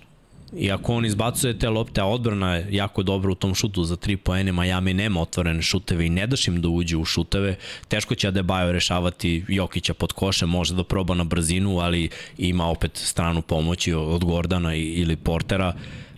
Ja mislim da, da, da Miami u ovoj situaciji će držati šut za 3 poena. Denver je jako dobra šuterska ekipa. Ako Miami bude imao ovako loše izdanje sa 25-30% šuta za 3 mm -hmm. poena i velikim brojem pokušaja potrošenih, jer neće moći toliko da pogađaju s polu distanci iz reketa, eto to je šansa. Ne nužno zaustaviti jednog igrača, nego igrati timsku dobru odbranu i ostaviti te kalkulacije kao protiv Lakersa. Nemoj da, ih, nemoj da im daš da dominiraju u reketu, tere ih da šutiraju s polja i da budu teži šutevi s polja. I Denver je tako dobio ovu seriju protiv Lakersa. Pa da, ja bih stavio Gordona iskreno na Jimmy Butleru, da ga čuva pošto je Gordon čuva i Lebrona, malo je brži Butler od Gordona, ali ok, što se tiče fizičke predpozicije, Gordon je tu i pre bih taj meča pola da, bu, da vidim nego, na primjer, KCP koji je fizički slabiji i niži od Butlera, Sad ono što može bude problem za Denver jeste što Miami igra sa dubljom klupom, što sa klupe ulaze i Lauri, i Duncan Robinson, i Caleb Martin, koji sva trojica su u ovim play-offu imali barem po jedan meč sa preko 15 poena, Cody Zeller ulazi tu da menja uh, Adebayo da bude fizikalan, što znači da bi se menjali Adebayo i Zeller na Jokiću, što uh -huh. ne mhm. da bi bio neki problem iskreno, više je bio problem za, da Adebayo čuva Jokića, ali opet ne toliki, mislim da je Davis bolji od defanzivni igrač 1 na 1 od Adebayo ali stavio bi Gordona i prekopirao bi ovo što si ti rekao. Timska odbrana je ključna za Denver, jer ovo veliki, veliki znak pitanja kako će brane uh, Mareja s druge strane. Ko će čuvati Mareja? Gabe Vincent je malo slabiji, malo niži. Vidjet ćemo startnu petorku isto i to me zanima. Tako je. Mislim da više problema u odbrani ima Miami da čuva Denver nego da. Denver da čuva pa, Miami. Pa, teško je čuvati najkompletniju ekipu. Ali definitivno razmišljamo slično. Ukoliko Denver osvoji titulu, Jokić bude MVP finala, na koje mesto stavljate Jokića na večnoj listi centara? Šesto. Meni je realno šesto mesto, pošto još uvek mi nije ispred Hakima, Šeka, Vilta, Rasela i Džabara. Mislim, da, šta, ja ne volim dok neko aktivno igra da ga stavljam u, u, u istoriji s nekim ko je završio karijeru i penzione su. A da krenemo od toga. Jer još uvek ima mnogo ispred Dobro, sebe znači. i ako bude želeo da igra, on može još pet godina da igra na ovom nivou. Jokić je, mislim, i dalje mlad i, i opet ne igra na svoje fizičke predispozicije, već igra glavom. Tako je. Što, što znači da može, on njegova igra zavisi dosta od igre sa igrača, a kako igra nesebično, samo treba da se postavi znači, dobra ekipa oko njega i stvari koje on radi, niko od ovih nabranih nije radio. Ajde da mu damo još malo vremena pre nego što krenemo da se frljamo ovim dalje 5, dalje 6, dalje 10, dalje 1, dalje 2. Mislim, na, ja sam srećan što trenutno najbolji igrač u NBA-u po mom mišljenju je naš čovjek. Dobro, ti nemoj se frljaš, ja hoću, ja to volim i šesti, ja se, mislim, te, opet, to stvarno, mislim, skrećem često pažnje, to razlika je između najbolji, najveštiji i najveći. To je greatest i best velika razlika, pošto pričamo najveći na toj listi, Hakim je peti sa dve titule i defanzivni, jedan najbolji defanzivni centara i kada Shaquille O'Neal ima četiri, Bill Russell ima 11, bio vrhunski igrač u odbrani pre svega. Mislim, Wilt i Karim znamo šta su, da ne dužim dalje, ali bio bi šesti, zato što bi napokon imao titulu, bio bi mi iznad Moses Melona, koji isto ima jednu ili dve titule, mislim da ima jednu, i da, ima, da, da je tri puta uzao MVP nagradu, ali bi Jokić bio šesti, i možda bih morao da sačekam tu drugu titulu da ga poredim sa Hakimom. Zato što je Hakim stvarno bio vrhunski centar i u odbrani i u napadu i lep šut imao i fenomenalan rad nogu i bio je predvodnih dve titule za redom, 94. i 5. Houston Rocketsa, najbolji mm -hmm. igrač tada. Jeste gledali posljednji intervju Perkinsa posle 4-0 Denvera, čovjek ne može da prizna da je Jokić izdominirao i sve nekako vrda. Pa Lazare, Perkins je kod mene na bloku, na blok listi. Uh, iskreno ne zanima me, verujem da, da je pričao više o Lakersima ne, nego o Denveru. Svi su pričali više o Lakersima. Pa da, da mislim, da, što, ne, ne, ne zanima me. Ja najviše volim da gledam TNT, ovo Inside NBA i to je meni ekipa i ovo ostalo po neke pogledam čisto da, da vidim šta pričaju, ali ne zato što me zanima šta će da kažu i eventualno da to promeni neko moje mišljenje i viđenje, svoje mišljenje imam, čuvam, gajim i, i ovaj, uvek vam ga kažem ovde uh, ako se poklopi s nekim tuđim mišljenjem, to znači da razmišljamo slično, ali ne, ne usvajam tuđe mišljenja. Ono što definitivno su mnogi zamerali uh, Jokiću, nisu svi, neki su ga podržavali, bodrili sve vreme i pričali da je on MVP kandidat. Uh, čini mi se da su oni vokalni u tome da pokažu da su oni u pravu svima ovima koji su govorili da nije, da je MB, da Jokić nije ovo, da nije ovo. E sad kad dođe finale, kad dođe veliko finale, ako prođe Boston, verujem mi da će narativ biti okrenut više ka Celticsima, ako prođe Miami, tu će možda biti onako malo više na, na, na stranu Jokića, ali da mu neko, da neko priča i, i da ne može da prizna, naročito Perkins, meni je to, znajući njihove medije, znajući kako to funkcioniš, imaš taj narativ, ne znam što je Jokić naš čovjek, imaš taj narativ u NFL-u da neko jednostavno neće da prizna uspeh nekome nekom igraču, a drugi se konstantno dižu u nebesa. Ja mislim da to, to smo se već navikli da je tako. A jesu, ja generalno imam problem s time što oni ne rade svoj posao na vrhunskom nivou, ne prate sve timove igrače kako treba. Ja razumem da neke igrače treba i timove treba se prate više, pošto su ipak Lakers i Celtics i institucije i neki igrači zajedno sa njima,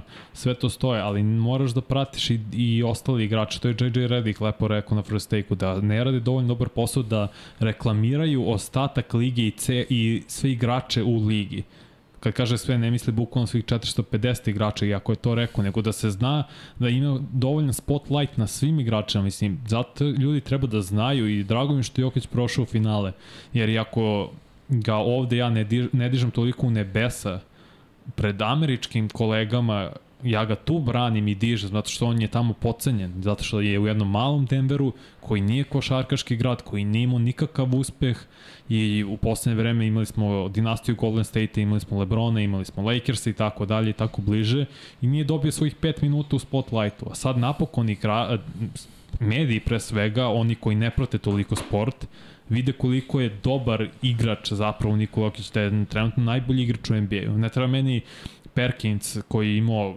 izjave neke kriminalne, zaista kriminalne, znači sva, o, jedna od deset izjava mu je kvalitetna, uglavnom su mu sve kriminalne da nešto priča. Prvo Perkins, ok, bio je dobar igrač, pa ja kažemo da je bio dobar igrač, sve to stoji, ne, neću nikog da omalovažam koji, imao, koji igrao NBA-u, jer za to je potreban ozbiljan kvalitet čovjek igrao koliko, 13 godina NBA. Da, ima je, sve, ima je svoju ulogu. za to, da. ali to ne znači da imaš pravo da svoje košarkaško mišljenje tek tako uh, se razbacuješ njime i da pričaš svakakve stvari. E, kod njih show biznis funkcioniše drugačije. Jeste, sve to stoji. Izađi, pričaj live, pa nek te vide, nek te čuje. Tako je, mislim, meni je bilo, ne znam da li si vidio, pokazat ću ti, baš su pričali Richard Jefferson, Malika Andrews i Perkins i Jefferson je rekao kao šanse da Lebron, da Lebron odu penziju su isto one šanse kao da ti Perkins odeš na dijetu. I ovo je rekla pa dobro, kao to su podnjake šanse kao da tebi izraste kose. Ja sam na to oplakao, jer je on posle ti pokazi napravio takvu facu, tako se smorio instant Jefferson,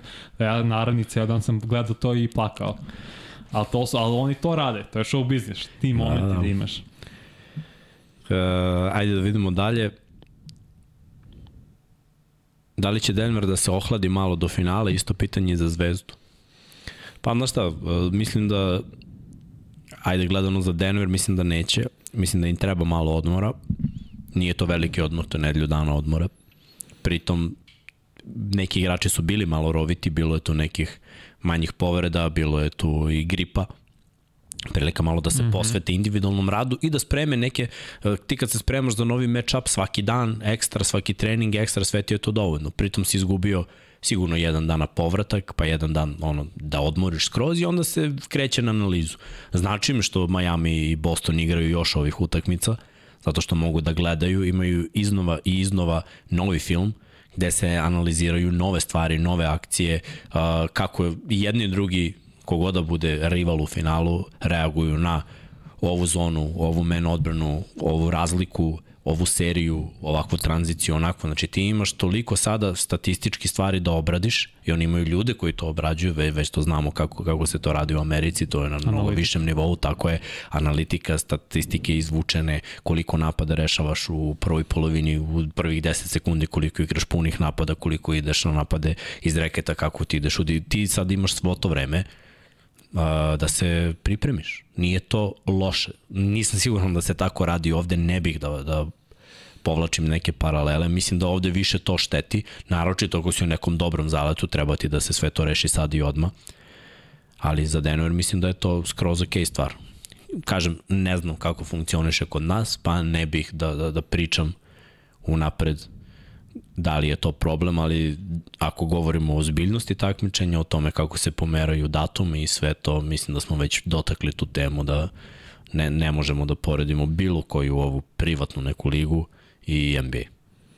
Ne znam za Zvezdu, niti za Partizan da je u istoj situaciji iskreno, sve što ti rekao, ja slažem s time i nemam predstavu, ne pratim toliko. Što izliče NBA, ne verujem. Stvarno, stvarno ne verujem da će se ohladiti, mislim da će samo da se oporavde, malo od sebi dati oduška na ovo, verujem da su ovo naredna dva dana bilo kompletno odmori bez treninga, bez ičega, da mogu igrači sebi da se fokusiraju, da se prosto sklone mozak i razmišljanje sa košarke. mi da mišlja košarci, odradili smo do sad posao, odmori par dana, vratit ćemo se treninzima, ne znam, od sutra, od četvrtka ili od petka, da se pripremimo za finale i to je to. Imamo ovde još jedno pitanje, da li ćemo jednu finalnu utakmicu da gledamo u live-u, kaže Dragan da bi bilo super družiti se sa nama. Znam isto to ste pitali i kod Luki i Kuzme mnogo puta i mi smo probali nekako da to izboksujemo u ovoj finalnoj, polufinalnoj seriji, to je finala zapada, da, da odradimo, ali Luka i Kuzma su otešli da gledaju budućnost uh, u Podgorici. Tako da, uh, vrlo verovatno, mi smo rekli da ćemo jednu sigurno da odradimo i sad samo razmišljamo kako da napravimo nekakvu fuziju ova dva podcasta i da to pogledamo ovde, možda da mi uradimo pre neku ovaj najavu, da ispričamo šta, pa onda da se iz jedan na jedan pretopi to u, u Luka i Kuzma i da ispoštujemo jedni i drugi i, i da pogledamo to. Još uvek nismo našli rešenje, oba podcasta da se emituju isto vreme ne može, više nemamo onaj restream, tako da ovaj, ali eto, naći ćemo neko rešenje i treba jednu pogledati. Mislim da bilo je ljudi koji su ovaj, gledali prošli put i nijemo, nekima nije to baš leglo, ja razumem, ali opet mi smo ovde da udovoljimo svima i ako vas ima koji želite da, da gledamo zajedno utakmicu, sitne sate, mi ćemo gledati. Znači, pa, to je najmanji problem. je u 2.30. Da, da, da. Sem drugi, drugi je u 2 ujutru. Ja morate da uzmete u obzir da ja moram da nađem onda sutra zamenu da neko bude ovde u studiju i da radi umesto mene, jer kada odgledam tekmu do 6 ujutru, ovde nisam pre dva. Ajde da vidimo, ajde da vidimo, ajde da vidimo dalje neko pitanje.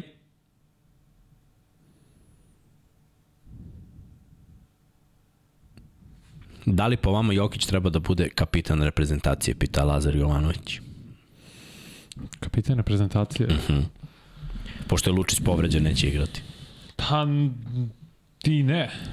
Mislim da nije Jokić taj karakter, ajde ako kažem. Ko po tvom mišljenju treba da bude kapitan? Tež treba Bog da bude kapitan.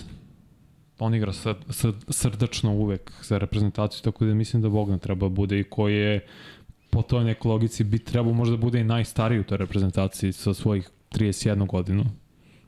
Deluje mi tako, tako da mislim da bi Bogdan trebao da bude kapitan. Ne zato što je najstariji, nego mislim samo zbog karaktera da nije Jokić možda nužno vokalni lider u tom aspektu ne treba nužno uvek najbolji igrač da bude i kapitan samog tima. Mislim da je Lakers se oni godina Fisher to nikad ne, to nikad ne mora da. Da, da. Tako da mislim da sve stvarno zavisi od kakav je neko karakter i mislim da bi Bogdanu više odgovaralo i bolje bilo za tim da on bude kapitan nego Jokić. Imamo baš dobro pitanje. Mućačo kaže, da li se posle ove sezone otvara market za Denver? Ja mislim da.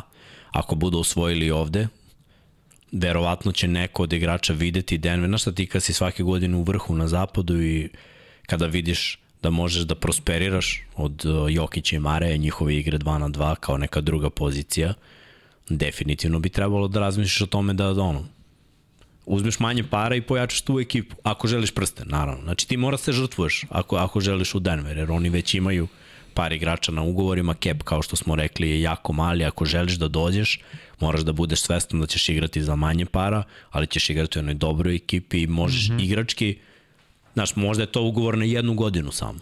Znaš, da probaš, osvojiš i onda da se unovčiš, to mi nekako deluje, deluje dobro, ali da, definitivno je stavljen Denver na mapu na, nakon ovoga. I sve te manje franšize, ajde da kažemo pa čak i u američkom futbolu, da uzmemo Denver kao ekipu koja nije baš najatraktivnija destinacija, Ja se sećam momente kada je Peyton Manning došao u Denver, za dve godine mnogi igrači su bili u fazonu, hm, Denver, delo je to lepo, znaš, ajde, hoćemo Super Bowl.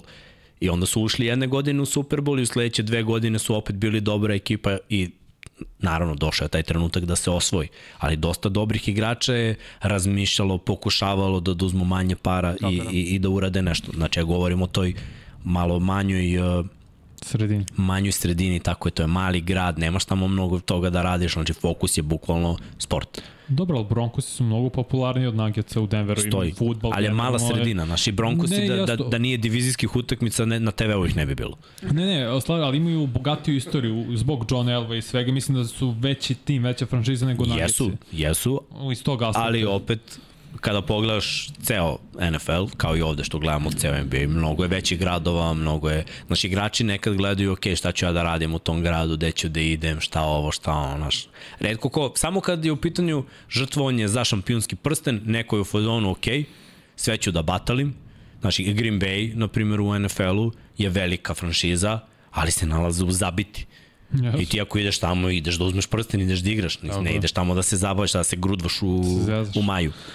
Jeste, ali znaš kako, mislim Denver ima već popunjen tim, još ako se vrati Bruce Brown, to je jedina o, ono od boljih igrača ostalo uh, znak pitanja jer on ima player option za narednu godinu, opet Orka je tu za narednu godinu, možda i za dve, tako da mislim da je samo on treba da se vrati, jer nemaš onda dovoljno prostora da još neko dolazi nužno. Tako da je Denver već poprilično popunjen tim i za sledeću godinu. Uh, šta mislite o Treju u Lakersima? Pa gledaj, dobit će šutera za 3 poena. Nikako. Nikako. Vanja ne voli. Nikako. Dobro, jedan igraš manje u odbrani, to... Nikako, već to vidim da je Angelo Russell samo i ovi još niži 10 cm od njega. Nikako. Ali bolje šuter, vrate. Za, pa, bolje, rešava. Možda bolje rešava. Ima i floater i bolju promenu ritma i mnogo je bolji šuter od ja, konstantniji šut. Konstantniji, jeste, okej. Okay. Ali on šutno sad za 3 I bolji asistent. Mislim, gledaj, gubi lopte, ali mislim i asistira. Ne pi, ja ga ne pi. Iskreno, Lakersima ne. Ja volim Lakers, ne mogu da mislim Trae Younga da i taj cirkus stvarno ne mogu. Ne želim. Mogu, ali ne želim. Bureu kaže Cody Zeller bi mogao da bude nerešiva enigma za Jokića. Nemoj, brate, dosta smo se smeli. Kaka nerešiva enigma. Solidan igrač, ništa više od toga. Vanja stavi na glavu kapu GM-a Portlanda i koga tražiš za treći pik drafta? Uh. Evo sad razmišljam, dajte mi malo vremena. Evo, brane kačkice. Mm, mm, mm, Ko bi to mogao da... Pa, znaš kako? Gledao bi čak i Minnesota. Okrenuo bih Minnesota i pozvao bih i bio bi u fazonu šta želite za pardon, za Carl Anthony Towns? Da se napravi paket, ne znam, treći pik i još par pikova. Možda Nurkić ako mora zbog ugovora. Da se da bi se to uklopilo za Carl Anthony Towns onda oni, mislim, ali opet, treći pik je nezahvalno, da je drugi bilo bi mnogo lakše, jer sa trećim pikom tebi onda ostaje ili Brandon Miller ili Scoot Henderson, sad zavisi Minnesota i ne treba nužno Brandon Miller, mm. mislim da bi im pao Scoot Henderson kao budali šamra, što bi se reklo, i to bi mi to bilo najbolje, ali da imamo dalje na brzinu, ko bi još tu mogo da se uključi.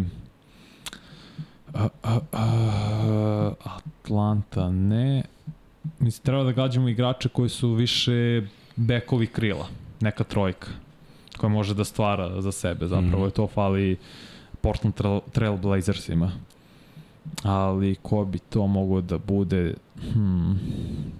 Možda Washington napokon da krenu u rebuild, da daju Bradley Bila. Što da ne? A Bradley već pokušava da izađe godinom, ali Un, ba, da, ne uspeš. Ne, da, ne pokušava. On je uzao novi ugovor, da je hteo da, je hteo da izađe, ne bi uzao novi ugovor. Sjajde toga da kažem. To, to da se obezbedi porodica. Da, dobro, tako da nije toliko želo. Možda Bradley Bill sad za trećeg pika.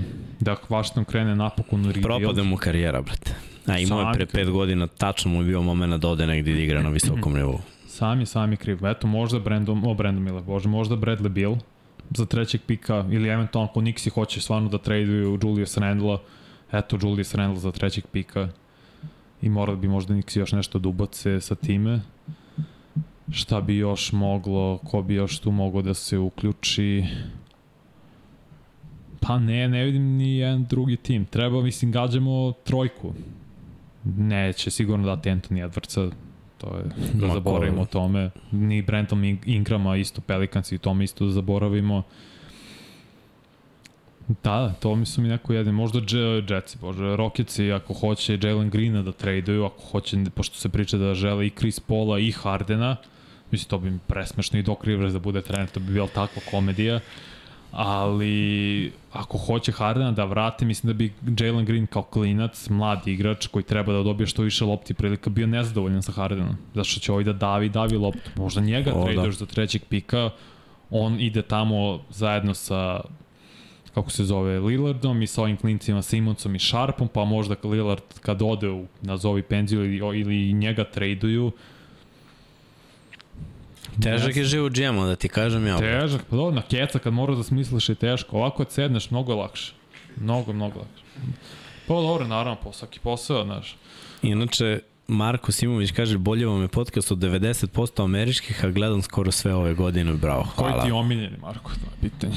Eto, Marko Američki. govori. Sad ću da vidim baš rostere igrače, baš razmišljam ko bi još mogu tu da se uklopi. Ali ovako na bum, par ideja mi to palo na pamet. Kada Jokić ne bude na terenu, da li Gordon ide na pet, s obzirom da će verovatno biti glavni odbranbeni igrač na Butleru, da li će možda u tom slučaju Uncle Jeff biti pet? Pa gledaj, kad Jokić nije tu, definitivno su i Uncle Jeff i Gordon na parketu, to mora mm -hmm. da mhm. bude a kako će ovaj menjati, to ćemo da vidimo. Prvo ne znamo ni ko je protivnik, niti znamo kako će odgovarati i jedni i drugi, ajde da kažemo Miami pre u, ko, u kojoj postavi će oni izlaziti, jer njihova petorka kada izađe Adebayo obično je uključivala Zelera kao centra, Laurija kao šestog igrača i ostatak ekipe, to se menja. Martin bude jedan od, od, od tih pet. Znači, ajde da kažemo, to su tri igrača, ovo ostalo nije baš najjasnije. Pa moramo da vidimo i to. Zanima me naravno, nisam siguran da mogu da dam da mogu da dam odgovor, ali što se Denvera tiče, da, definitivno će kombinovati. Sad, da li će Gordon da uzme Butlera, to je nešto smo mi pretpostavili, ali to ne mora da znači. I Jeff Green je isto dosta mhm, sposoban, mhm. ako dođe do preuzimanja, mislim da i Porter može da se oproba. Jalen. Videli smo, videli smo da je Boston u ovoj posljednjoj utekmici pokušavao i sa Tatumom i sa Whiteom menjali, sa Williamsom takođe, znači menjali su trojicu ako ne i četvoricu u nekim situacijama na, na, na Butleru, tako da ja neko, nekako to vidim i od Denvera, da neće biti nužno jedan, pritom u NBA-u to tako ide da oni igraju preuzimanja sve dok ne dobiju matchup koji žele. Znači igraće ono yes. blok za blokom za blokom dok ne dođeš do igrača kog želiš da napadneš. Jeste, istim. Ja sad se setio.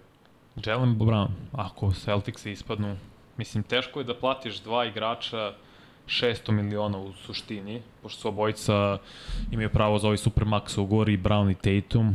Mislim da Boston u tom slučaju ne bih hteo da se obavezuje toliko za dva igrača, toliko para da daješ.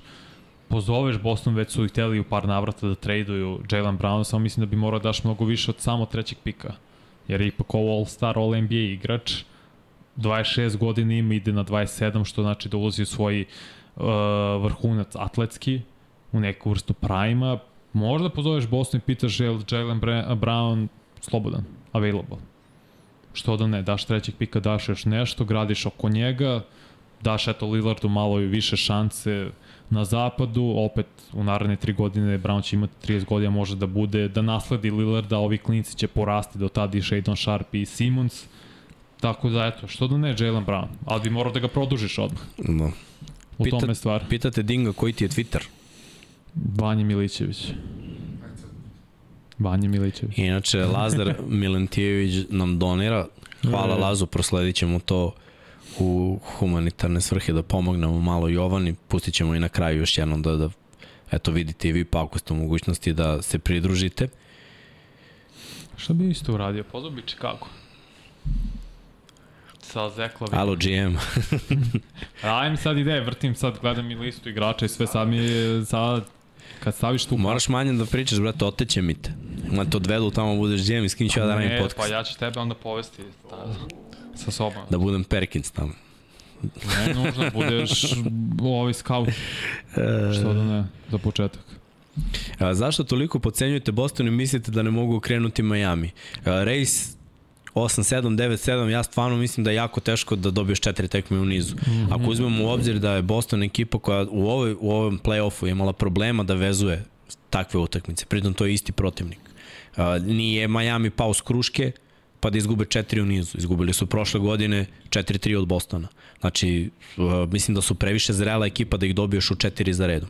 Pritom je Boston previše toplo-hladna ekipa, oscilacije u igri su im i šuterski i što se taktike tiče i ofanzivno i defanzivno imaju dosta problema, ide vrhunski pa jako loše i ovde je polovreme bilo nije onako, pa je drugo polovreme bilo vrhunsko i to je bilo jedno dobro polovreme koje smo videli od njih u četiri prve utakmice koje su bile odigrane. Ostalo je sve bilo egal sa Miami. Znači Boston mora da igra vrhunsku košarku, a Miami da se raspadne u četiri meča. Zato mislim nije to pocenjivanje, to je realnost. Znači ako pogleda, ne gledamo regularni deo, gledamo playoff. Nisu dobili Atlanta Hawkse, ubedljivo, samo tu su imali pobede, igrali su sedam tekmi protiv File, videli smo kakva je Fila, videli smo njihove taktike, Uh, I opet dođemo do, do ovoga s Miami gde su bili Ekipa koja nije mogla da održi prednost u tri utakmice. I ovde nisu imali prednost pa su okrenuli, dobili su jednu. Jako je teško dobiti četiri utakmice u nizu. Naročit, znaš, lakše je možda od 4-0 da dobiješ nego da do, od 0-3 da dobiješ 4-3. Moje mišljenje. Ne znači da sam u pravu, ali ono što smo videli od Bostona, a ja mislim da svi smo ovde gledali utakmice da smo videli, da Boston nije konstantna ekipa. A da bi vezo četiri tekme da pobediš, mora budeš konstantna ekipa. Pritom, ceo playoff su polovični kod kuće. Još gori, je tako, u minusu su. Minus. 8 9 imaju ili 80. Šta imaju kod kuće? Znači nisu ni na 50% kod kuće. U najboljem slučaju ih čekaju dve tekme kod kuće. Je da, tako? Da, da. I na gostovanju su isto onako. Znači nakon ove utakmice koje su ukrali na gostovanju, imaju u TD Gardenu, pa opet idu u Miami. Stvarno mi deluje da ono, bar da znam da su dominantni kod kuće, znaš, pa kao da, da očekuješ nešto, ali oni su prve dve izgubili kod kuće, od Miami. Sad razmišljam iskreno, ceo Chicago bih rastavio na delovi i rasprodao bih i Lavina i DeRozan. Možda čak i Carusa isto. Mislim da je vreme za Chicago da uradi jedan reset.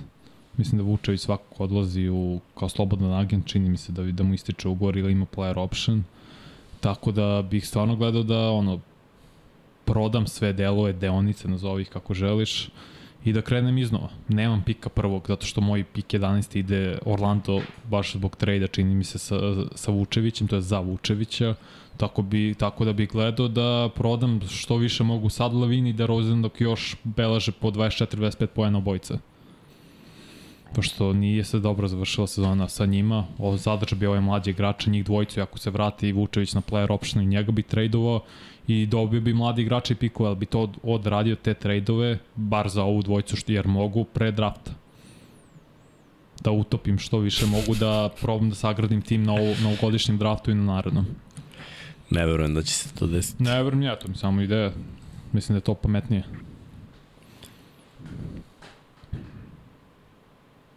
Šta mislite o činjenici da Denver nije mnogo išao u minus dok je Jokarov bio na klupi?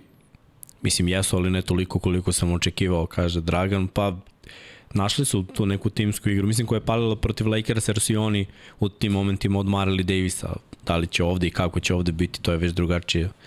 Obe ekipe su manje od Lakersa i pokretljivije, pa me s te strane zanima.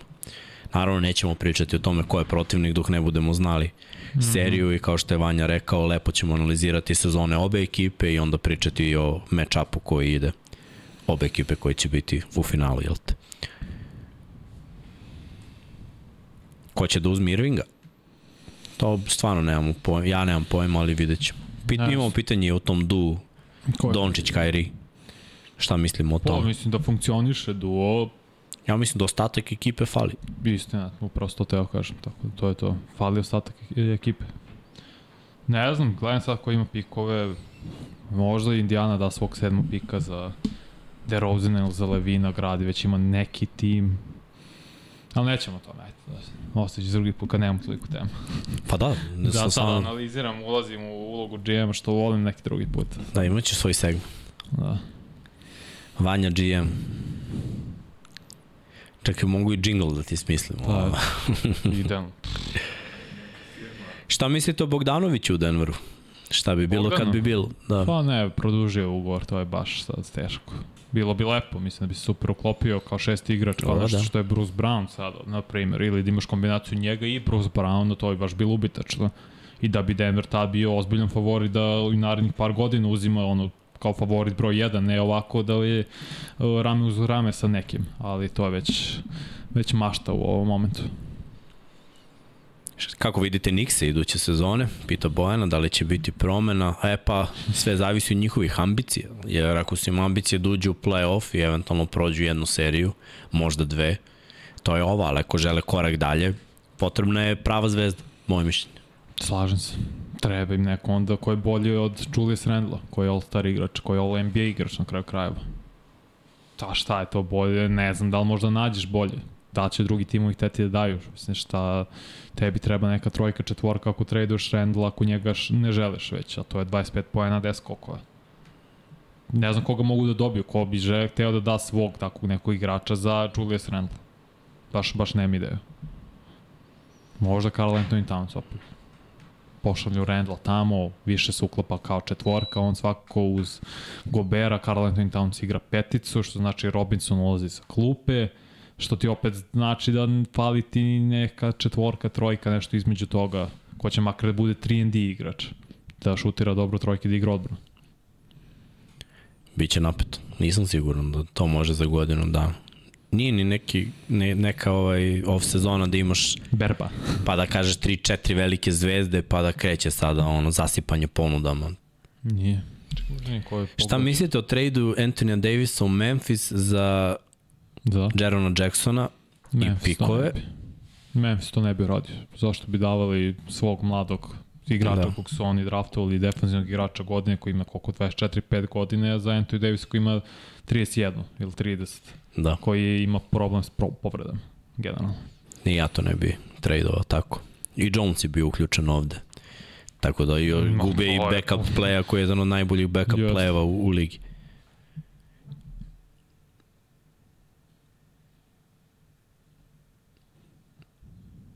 Sad ko su slobodni agenti, sigurni slobodni agenti, Kyrie Irving, Jeremy Grant, eto, to je zanimljivo. Ali to nisu zvezda. Nisu, ali Jeremy Grant solidan, da je... Solidan igrač. Da, vrlo dobar starter, mislim da on može, Brook Lopez isto, za neke šampionske timove, neke playoff timove, onda ubaciš njega kao centar, dobra stvar, Gabe Vincent, eto, pokazuje sad Russell Westbrook, isto mislim da će ostati u Clippersima, Harrison Barnes takođe za nje. E, to je dobra opcija ako traduješ za Carl Anthony Townsa si Nixi i dovedeš Harrison Barnesa nekako. On ima šampionsko iskustvo, dosta playoff iskustva takođe, dobar igrač, bit će neka četvrta opcija, što se njega super uklapa za njegov karakter. Generalno, eto, što da ne, poslužio da. Kingsima sada, Ali pričat ćemo još, ja sad ovo gledam i čitam ko je slobodni agent, ali nisu, nije neka berba, opet ponavljam. Da, da. Imamo ovde isto pitanje da li se Lakersima zatvorio prozor za još jednu titulu sa Lebronom i Davisom, ne nužno. Ako, ja ako ostanu i ako dovedu prave igrače, znači bukvalno je pot, znaš, može da se desi, ne mogu, ne mogu da zatvorim tek tako, ali bitno je da se izgradi prava ekipa oko Lebrona, ekipa koja odgovara njegovim individualnim kvalitetima. A ako se to desi, moguće. Jer su već uboli u ovom poslednjem trejdu, su pronašli ono dva, tri dobra rešenja, na to i dalje fale dva, dva tri igrača da se, da se napravi taj roster. I onda ne mogu da kažem da je nemoguće, jer ne možemo da vidimo unapred šta će sve da se desi. Uvek, naravno, morate da uzmete u obzir povrede. Znači, svake godine ih ima neke ekipe potonu, neke ekipe jedva prezupče to, taj neki period kad se uđe u playoff takva veteranska ekipa kao i ove godine ima šanse da dobije neku seriju. Jer gledaj ti Clippersi su bili zdravi na papiru ti kad gledaš oni su mogli da reše svoju seriju, tako? Ali povrede. Mm -hmm. I šta se onda desilo? ne mogu da prođu prvu seriju, je tako? Tako je, prvu rundu. To ne možeš, to ne možeš da gledaš unapred. Ne možeš da znaš da, da, da će biti tako ili da neće biti tako. Nismo mogli da znamo da će Russell Westbrook da se povampiri, da odigra za njih na visokom nivou i to je jedini tim gde je zapravo igrao na visokom nivou. Tako da ostaje mnogo toga da se vidi, da ne budemo babavange i da nešto tu gledamo u pasulji i u, u šta god, u kuglu. Iako je ovamo lopta kugla kod vanje. Jordan, Jordan kugla. Uh, Može pitanje, treće. Čekaj, čekaj, čekaj. Ajde, ajde. Šta mislite o Jordanu Pulu kad bi bio tradovan u New York Knicks? Pa može A, pitanje. Bilo bi slična situacija, bi bio opet sklupe. Ne bi startovao pre Bereta i Bransona. Sem ako ne idu baš nisko da je Beret igra 3, Branson, Kec, ovaj 2, opet to je mnogo no, malo, mali, ma, jedna je lopta, znaš, opet to dosta žuta možeš da podeliš. Ne treba njima dodatni šuter ili dodatni da. back šuter, da kaže, ne, njima treba trojka, četvorka. Mm. I da je zvezda, i da poentira. Ajmo pitanje za 5000 dinara od Admiral Beta. Vanja, puci. Spomenuli smo da je Denver poslednji tim iz ove iz ABA, ABA lige koji kad su se ubacili u NBA da je ušao u NBA finale, da su bili i Sparsi, Pacersi i Netsi. E sad, pitanje jeste kada su u poslednji put San Antonio Sparsi bili u finalu, kada su bili Indiana Pacersi u finalu i kada su bili Netsi Brooklyn, to je New Jersey Netsi u NBA finalu poslednji put. Sve tri ekipe. Sve tri. A, si pretaro, brate, sad mora da se kuca. Ko zna, ne treba kuca. Mukom čovek da zaradi ovih 5000. Ko zna NBA i prati, zna odmah na vrglave. Mislim, ko kad su igrali poslednji put finale te tri franšize. Nije toliko teško, stvarno nije. Jel vidite Koji Vukč... god radost. Jel vidite Vukčevića u NBA? Tristan? Pa ne znam, ne sad. Nisam ni video Petruševa, pa eto, igra je mnogo bolje od bolje, ne znam. Ne sad, ne. možda za par godina ako se još razvije, ne sad. Kažem, ti ja smo mi se to pričali, Bogdan... Vidio Lapucu, ček, ček, ček, ček, ček, ali viš ni... Ali ti na live check, nemoj da ti na top check. Uživo je, časkanje srđene. Ognjen Brankov 2014. 2000 2003. ali ne piše je, koja ekipa. Ali ne piše koja ekipa. Pa dobro, ali... Je pogodio, a? Da, ali nije rekao ko je kad bio. Da. Da, ulazim previše u... Zapamtim njega svakako, ali ajde sad ćemo da vidimo. Pa, Hamato još je napisao Spurs 2014, Indiana 2000, Tennessee 2003. Pa to bi trebalo da bude tačno, zato što i, ipak je napisao ko je kad bio tačno. Ček, ček, ček, ček. Aha. Hamato još? Hamato još je napisao za sve tri ko je kad bio, a Ognjem Rankov je pogodio da budu, neki su pisali ili netačno. Pošto je već Hamato još i da bio da Dva puta daćemo Ognjene, ajde, Ognjene. ovo, ovo ti je prošlo na vezu. šalim se, šalim, napisao si, odgovorio si, tačno samo nisi napisao koja ekipa koja ekipa jeste, je bila, Branko, koja je bila kad, uh, Hamato ti si već iskidao dva puta, dva puta si dobio free bet i eto, prosti, da, ti si naš moralni pobednik. Ali da, eto, Pacersi protiv Lakersa. Priznajemo, evo šta ste navalili, priznajemo da. Pacersi protiv Lakersa, 2000-te, Neci protiv Sparsa, 2003. Miami protiv San Antonio 2014. Lako, to nije toliko teško. Ko prati, da, javi se meni na Instagramu i to je to da rešimo, da ja, daj svoj ID. Ovo što sam krenuo da pričam jeste za evropski igrače, opet ponavljam, pričali smo o tome, put Bogdana Bogdanovića kako je otišao u NBA je po meni najbolji. Pio je draftom koja, kada 2014. čini mi se od Phoenixa, ostao je još u Evropi prvi igru Partizanu, zatim u Feneru, postavio se kao jedan najboljih igrača u Evropi, osvojio Euroligu i posle toga je otišao u NBA, igrao za Sacramento, bio dobar, mučio se prvu godinu, što je normalno, posle toga se razvio u vrlo dobrog igrača s klupe, posle vrlo dobrog startera I eto čovjek dva ugovora kasnije, zapravo realno tri ruke ugovora pa je produžio, onda pa je otišao u, u Atlantu pa je produžio, sad sa Atlantom, mislim, to je fenomenalan put za nekog evropskog igrača. Uopšte nemam nikakav problem. Ono, mislim, nisu svi, ne znam, Novicki, čak i Markanen i taj fazon. To su ipak i visoki igrači koji su veoma, veoma vešti i brutalni u svakom pogledu, pre svega ofenzivno za bekove i takve igrače možda je bolje ako ili igrači koji nisu na tom nivou. Ne mogu ništa da kažem. Ali ponekad mora da priznaš da nema ni pravila. Nemam. Evo ti Jokić, ti je Nemam, Janis od... Isu.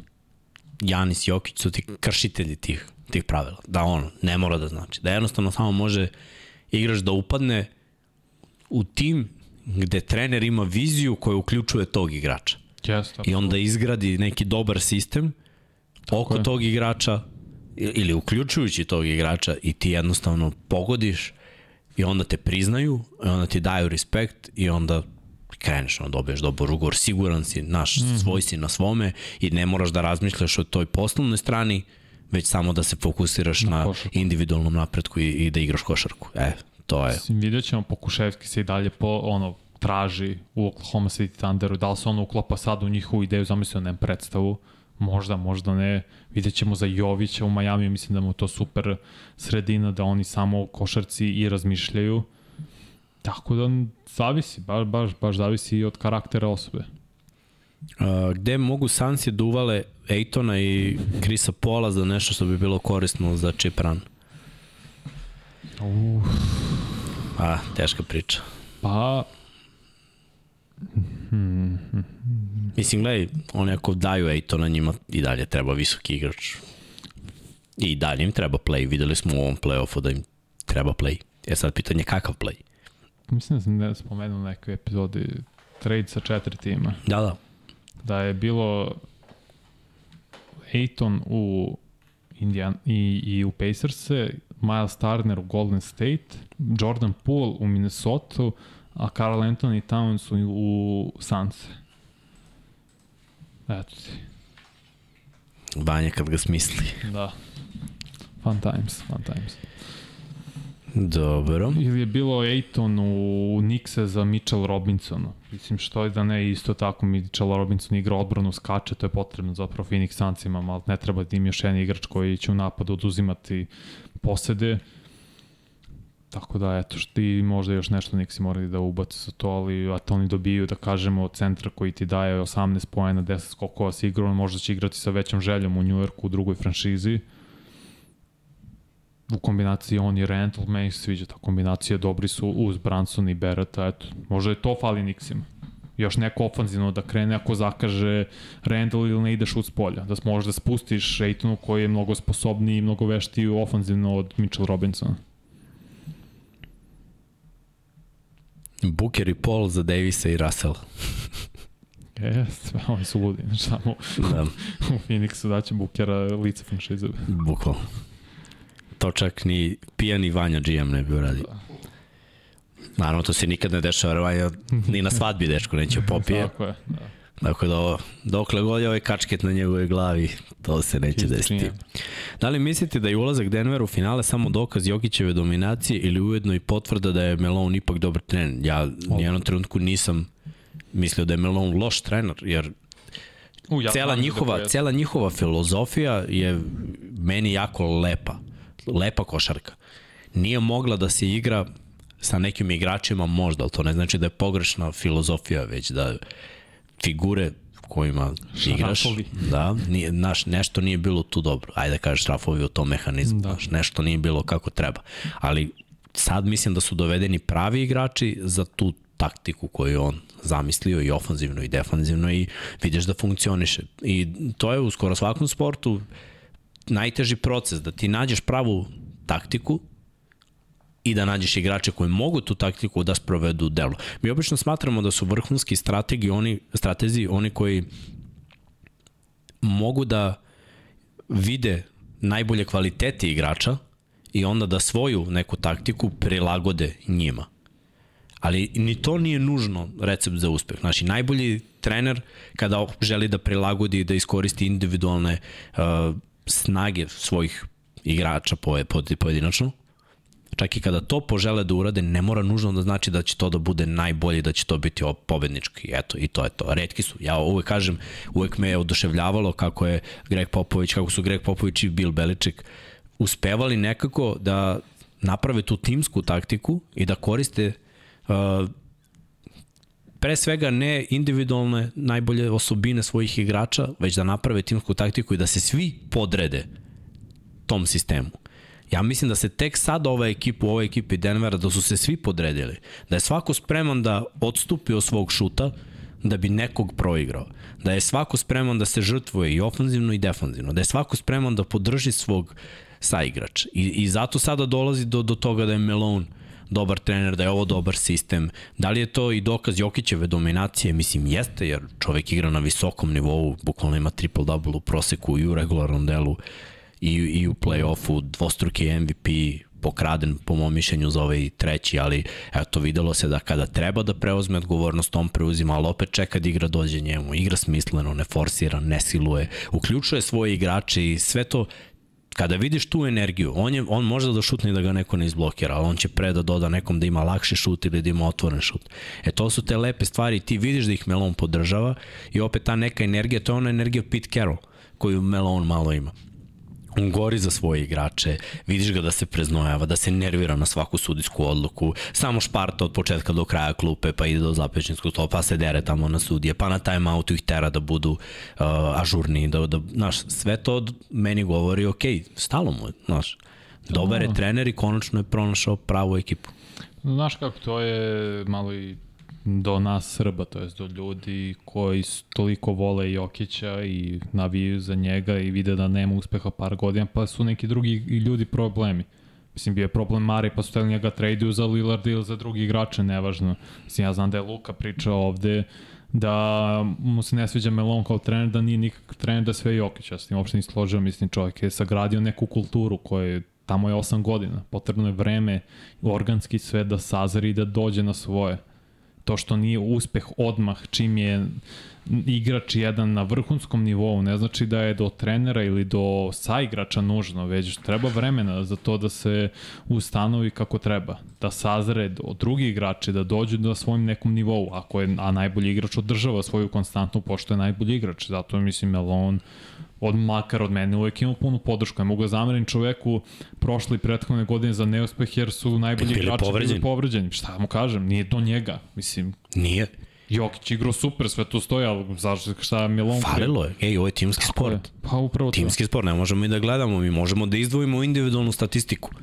Ali ovo je timski sport, ne igra jedan, igra pet. Tako je. I pritom i tih pet da igra ako nemaš šestog, sedmog, osmog na klupi, bar da odrade neke minute, da imaju svoj zadatak, svoju rolu, makar ona bila defanzivno, zatvori nekog, iscrpi se defanzivno, nemo šutneš na koš, ili trči nakon odbrane u kontru, radi nešto, to je tvoja uloga i ti doprinosiš timski. I u timskom sportu svako mora da zna. Meni, meni je, znaš, lepo što vidim konačno da neki timovi igraju timski i da su se podredili, znaš, da svako je spreman. Ja kad sam vidio da Porter junior koji nije imao taj moment u sebi, pa čak ni Jamal Murray nije imao taj moment u sebi, da odstupi od nekog svog relativno otvorenog šuta zarad asistencije za nečiji otvoren šut.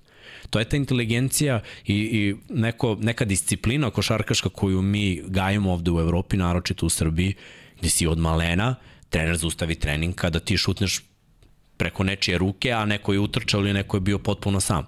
Razumeš? I ono, bukvalno ti dobiješ tu kritike i saspeti svašta u facu i ti onda skapiraš, onda gledaš evropsku košarku i vidiš kad gledamo reprezentativnu košarku koliko mi forsiramo neki, neki neku drugu košarku, neku drugu priču. U NBA-u to smo gledali San Antonio, da igra tako, I ja mislim da sad gledamo Denver, da je malo bilo ekipa koji igraju na taj fazu. No, tako igra Golden State, mislim, u svojim Ali Golden State igra na drugom fazonu, više napada, više šuteva. Ne, oni se ne ljute međusobno, timski. igraju timski, igraju ali timski njihova taktika da svako šutne. To, to, ovde okay. nije taktika da svako šutne, ovde je taktika da se odigra inteligentno. U Golden State-u znaš da će svako da pogodi, pa im je možda i ok Malo taktika. Je, ok, olakšavajući okolnosti iz tog aspekta, ali igrali su timski, lopta se kretala, Steph Curry je stalno išao iz blokova u blok, Clay Thompson takođe nije bilo nekog predominantnog igrača koji će forsirati sve na sebe, jer nije bilo potrebe. Jer su igrali lepo, lepo košarku, ali nekad je neophodno da se igra, to je da jedan igrač sili kao što je LeBron protiv Golden State Warriors istih 2018 imao 51 poen u, u prvom meču jer je morao, jer nema no. ko. Da, nekad, nekad mora. Moraš. Nekad Kad mora. si toliko dobro, moraš onda da siliš da no, budeš... Super je što Denver ima dva igrača koji mogu to da urade. Tako je, meni Jer je to, to, je, to je najbolji dvojac, najbolji tandem back centar i lepo je kad imaš beka i centar, to je old school košarka, gde, gde, gde znaš, uvek je bilo bek i četvorka ili bek i petica a ne bekovski tandem ili ne, ne znam, 2 i 3 ili šta god. Mislim da su iskreno Mare i Jokić najbolji tandem Jesu. back centar od pa to je, Šeka i Kobe. Zato što imaju tri faze, znaš. Zato što Jokić znaš. igra visoki pik s njim, može da, znaš, opet poentiraju iz reketa s polu distance trojka, imaju uručenja, imaju give and go, imaju pick and roll, pick and pop. Uh, pritom su spremni da ako je udvajanje ili ako neko dođe da pomogne, se oslobode lopte i pronađu nekog.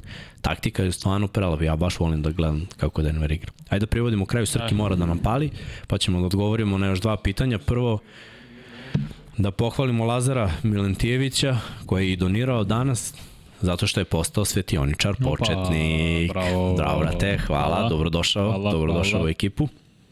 Sad imaš ovaj badge.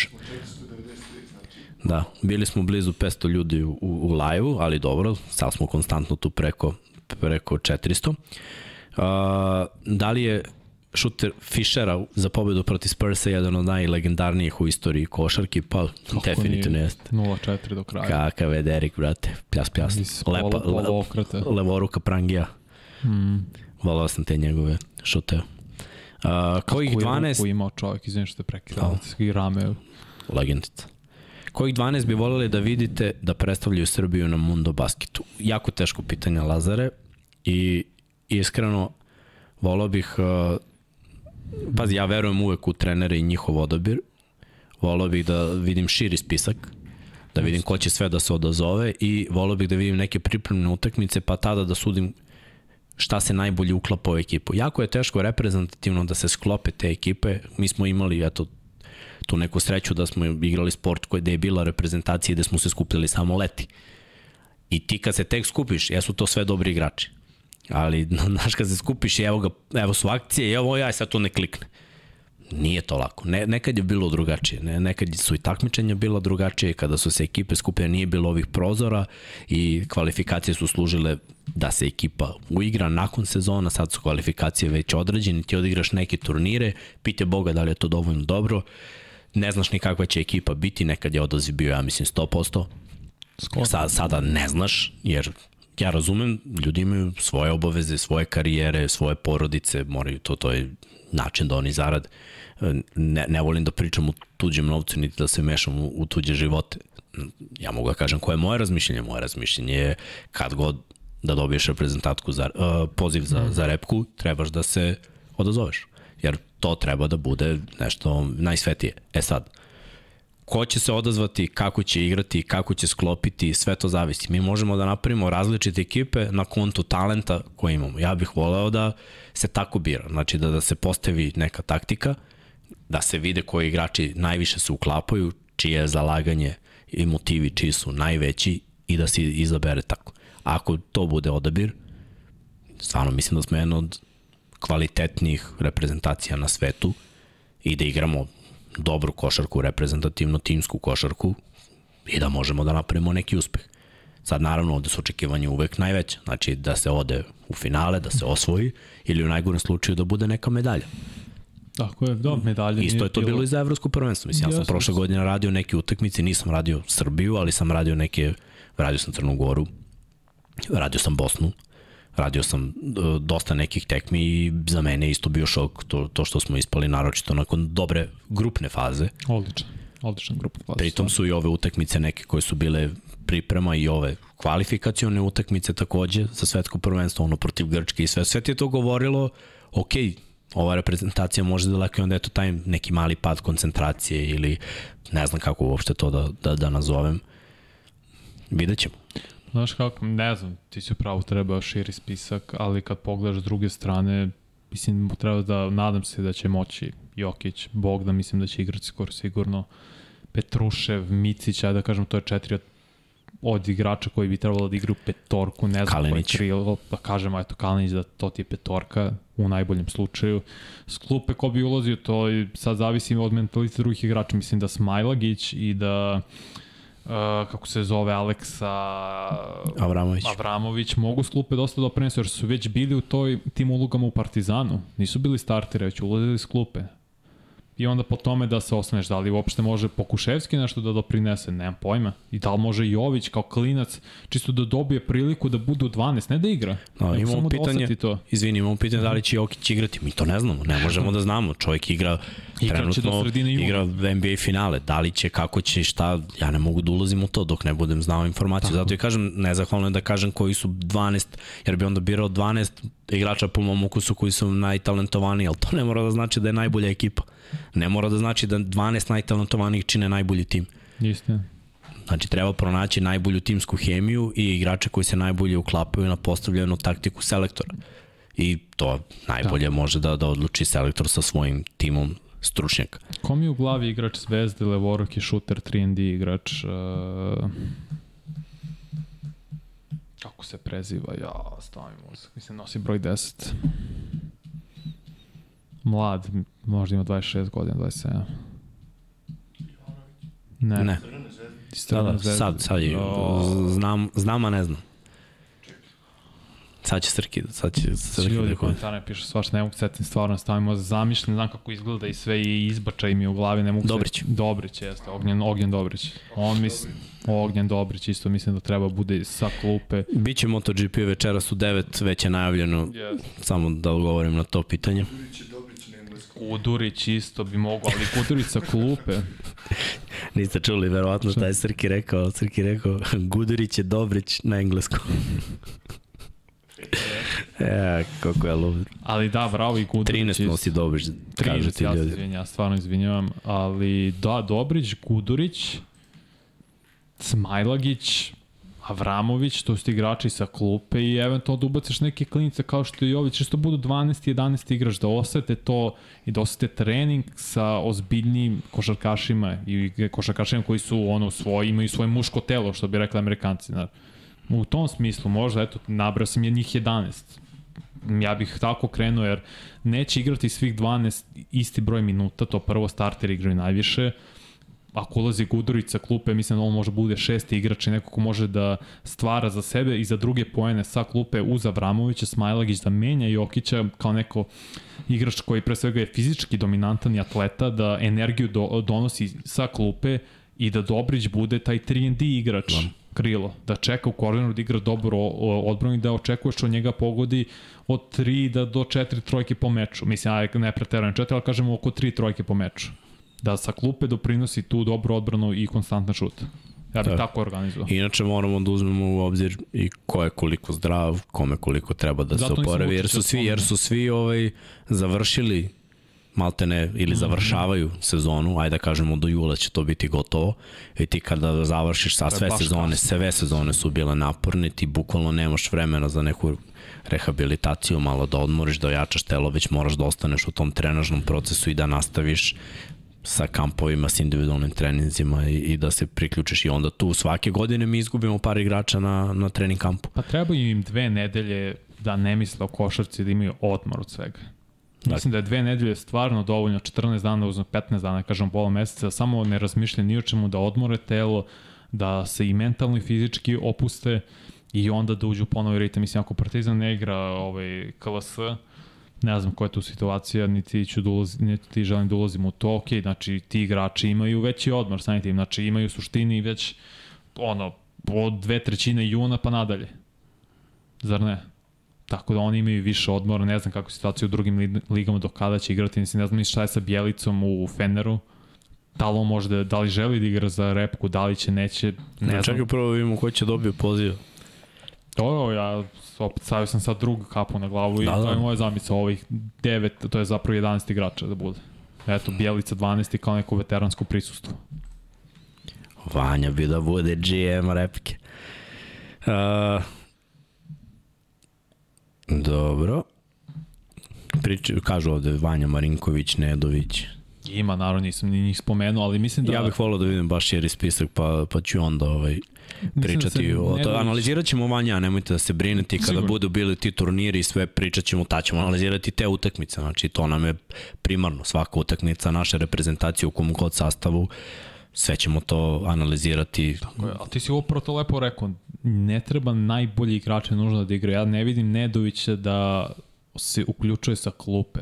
Možda grešim, ne znam. Mislim da je Avramović bolja opcija jer je već u toj situaciji bio jeste ove sezone u Partizanu, ulazi sa klupe i doprinosi energiju i neke poene ume i da eksplodira. Ako se oporavio, naravno povrede šaki, to je veliki znak pitanja, ne znam koliko mu treba da se oporavi. Mm. Marinković o, isto može s klupe, mislim da je bio u tim situacijama. Sve zavisi kakav je ego i kako ko može se prilagodi.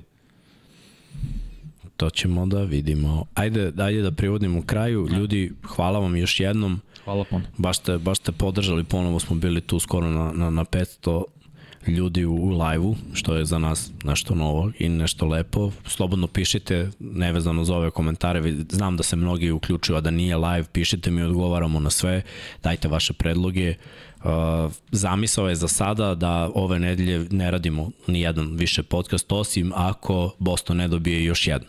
Ako se bude desilo, pošto oni igraju sutra veče, uh, da dobiju tekmu i da bude 3-2, onda ćemo verovatno pre 99 yardi, to jest u terminu 99 yardi, Vanja i ja kratko izanalizirati to, odraditi jednu emisiju od sat vremena pa se prebaciti na naš drugi podcast o američkom futbolu i odraditi rasporede za sve ostale ekipe. Ko prati oba podcasta zna kako to ide, a s obzirom da smo Vanja i ja ostavljeni sami u petak, mi ćemo to brzo i efikasno kao što uvek radimo.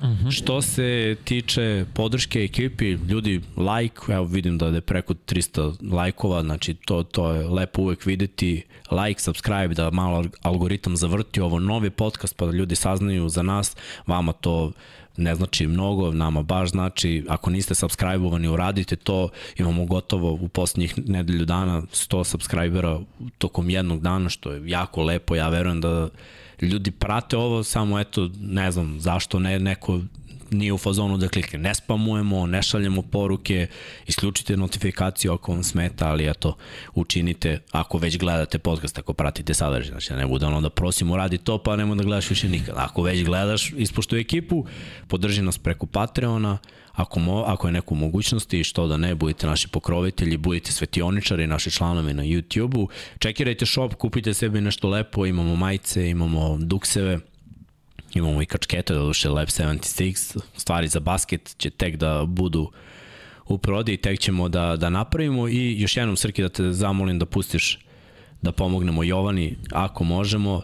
Sve ove donacije koje su bile mi ćemo prebaciti u humanitarne svrhe da probamo da pomognemo Jovani.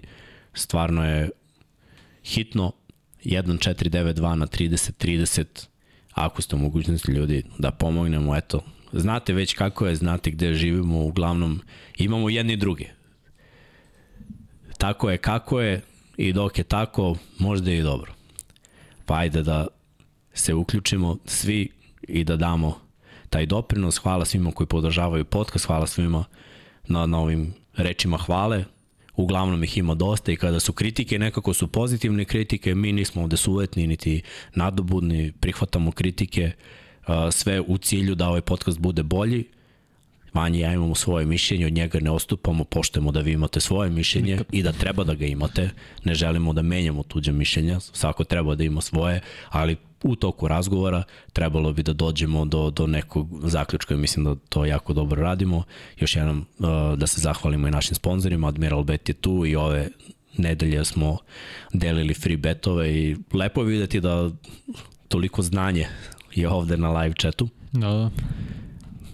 Pa eto, ne znamo da li će biti, vidjet ćemo šta će biti sutra. Ako bude pobeda Bostona, očekujte u petak mi još jednu emisiju. Tako, ako Miami ovo reši, mi ćemo to pomenuti u 99 yardi i onda sledeće nedelje, ono što smo vanja isplanirali, jeste put do finala Denver Nuggetsa i put do finala pobednika istočne konferencije i onda u sledećoj uh, u sledećem najava, podcastu, onda ide baš najava, tako je, da ćemo analizirati malo matchup, mm -hmm. šta mi očekujemo, kako bi taktika trebala da se postavi na obe strane i onda lepo i mirno da dočekamo tu prvu utakmicu koja je 1. juna, ko ne zna, znači nema pomeranja termina, on je udaren, zacrtan 1. juna, je prva utakmica NBA finala, znamo da je Denver tu, Denver nagici našeg Nikola Jokića. Uh, Blago Jačevski kaže šlam tokom dva meseca. Svetioničan nice. početnik, bravo, ja, bravo. na Instagramu da Blago je stavlja često story da igra basket, tako da eto nek pokrene tu inicijativu da sve da odigramo blago, neki basket. Sve Blago komentariše. Vidio sam ga i u Lepu u 99 ja, yardi, su, svuda je burar. Pozdrav za tebe. Dobro, to je to, Manja, da dodaš nešto? Ne, sve si prelepo rekao, stvarno, tako da ono, čujemo se i gledamo možda u petak za, de, za 1-1, gledamo da. svaku za 99 yardi i ono, ponedljak u ideja, ponedljak sreda, da se najavi čisto sreda, ono dan pre finala, pa petak analiza prve utakmice, pa ćemo posle vidjeti šta i kako. E, imamo jedno pitanje na koje ja ne znam odgovor. Srkije piše tamo, uh, Nermin Jusupović pita kako iz Bosne uplatiti. Da li piše... Pa preko YouTube-a. Pa treba da Ne, ne, preko ovog... Šta? Pa, pa njihovog, ne, budi human. Aha. Mislim da, da za to pita. Mm -hmm, mm -hmm. Ja mislim da piše, ali nisam siguran, evo Srgi će pustiti još jednu sliku, pa ćemo mi videti. Da vidim, da vidim. Pa možeš sklijedi on na dinarski račun. Ili na devizni račun zapravo. Da. Može, može preko deviznog onda tako da uplati, ako na to misli. Da, ja mislim da, da, da je na to mislio. Mislim ima i Swift naravno, tako da ima, ali mislim da može najlakše preko deviznog. Ispravite ako grešim, ali mislim da preko deviznog može najlakše da se uplati. Eto ljudi, Hvala vam još jednom na svemu i nadam se da se gledamo u sledeće nedelje da Miami ide u finale, ako ne, onda u petak i do tada veliki pozdrav uh, za sve vas, hvala vam još jednom na, na podršci za ovaj podcast, uh, hvala vam još jednom i, i za pomoć za Jovanu. Srki pušta Patreone i do sledeće epizode vidimo se, veliki pozdrav iz Infinity Lighthouse studija. Ćao!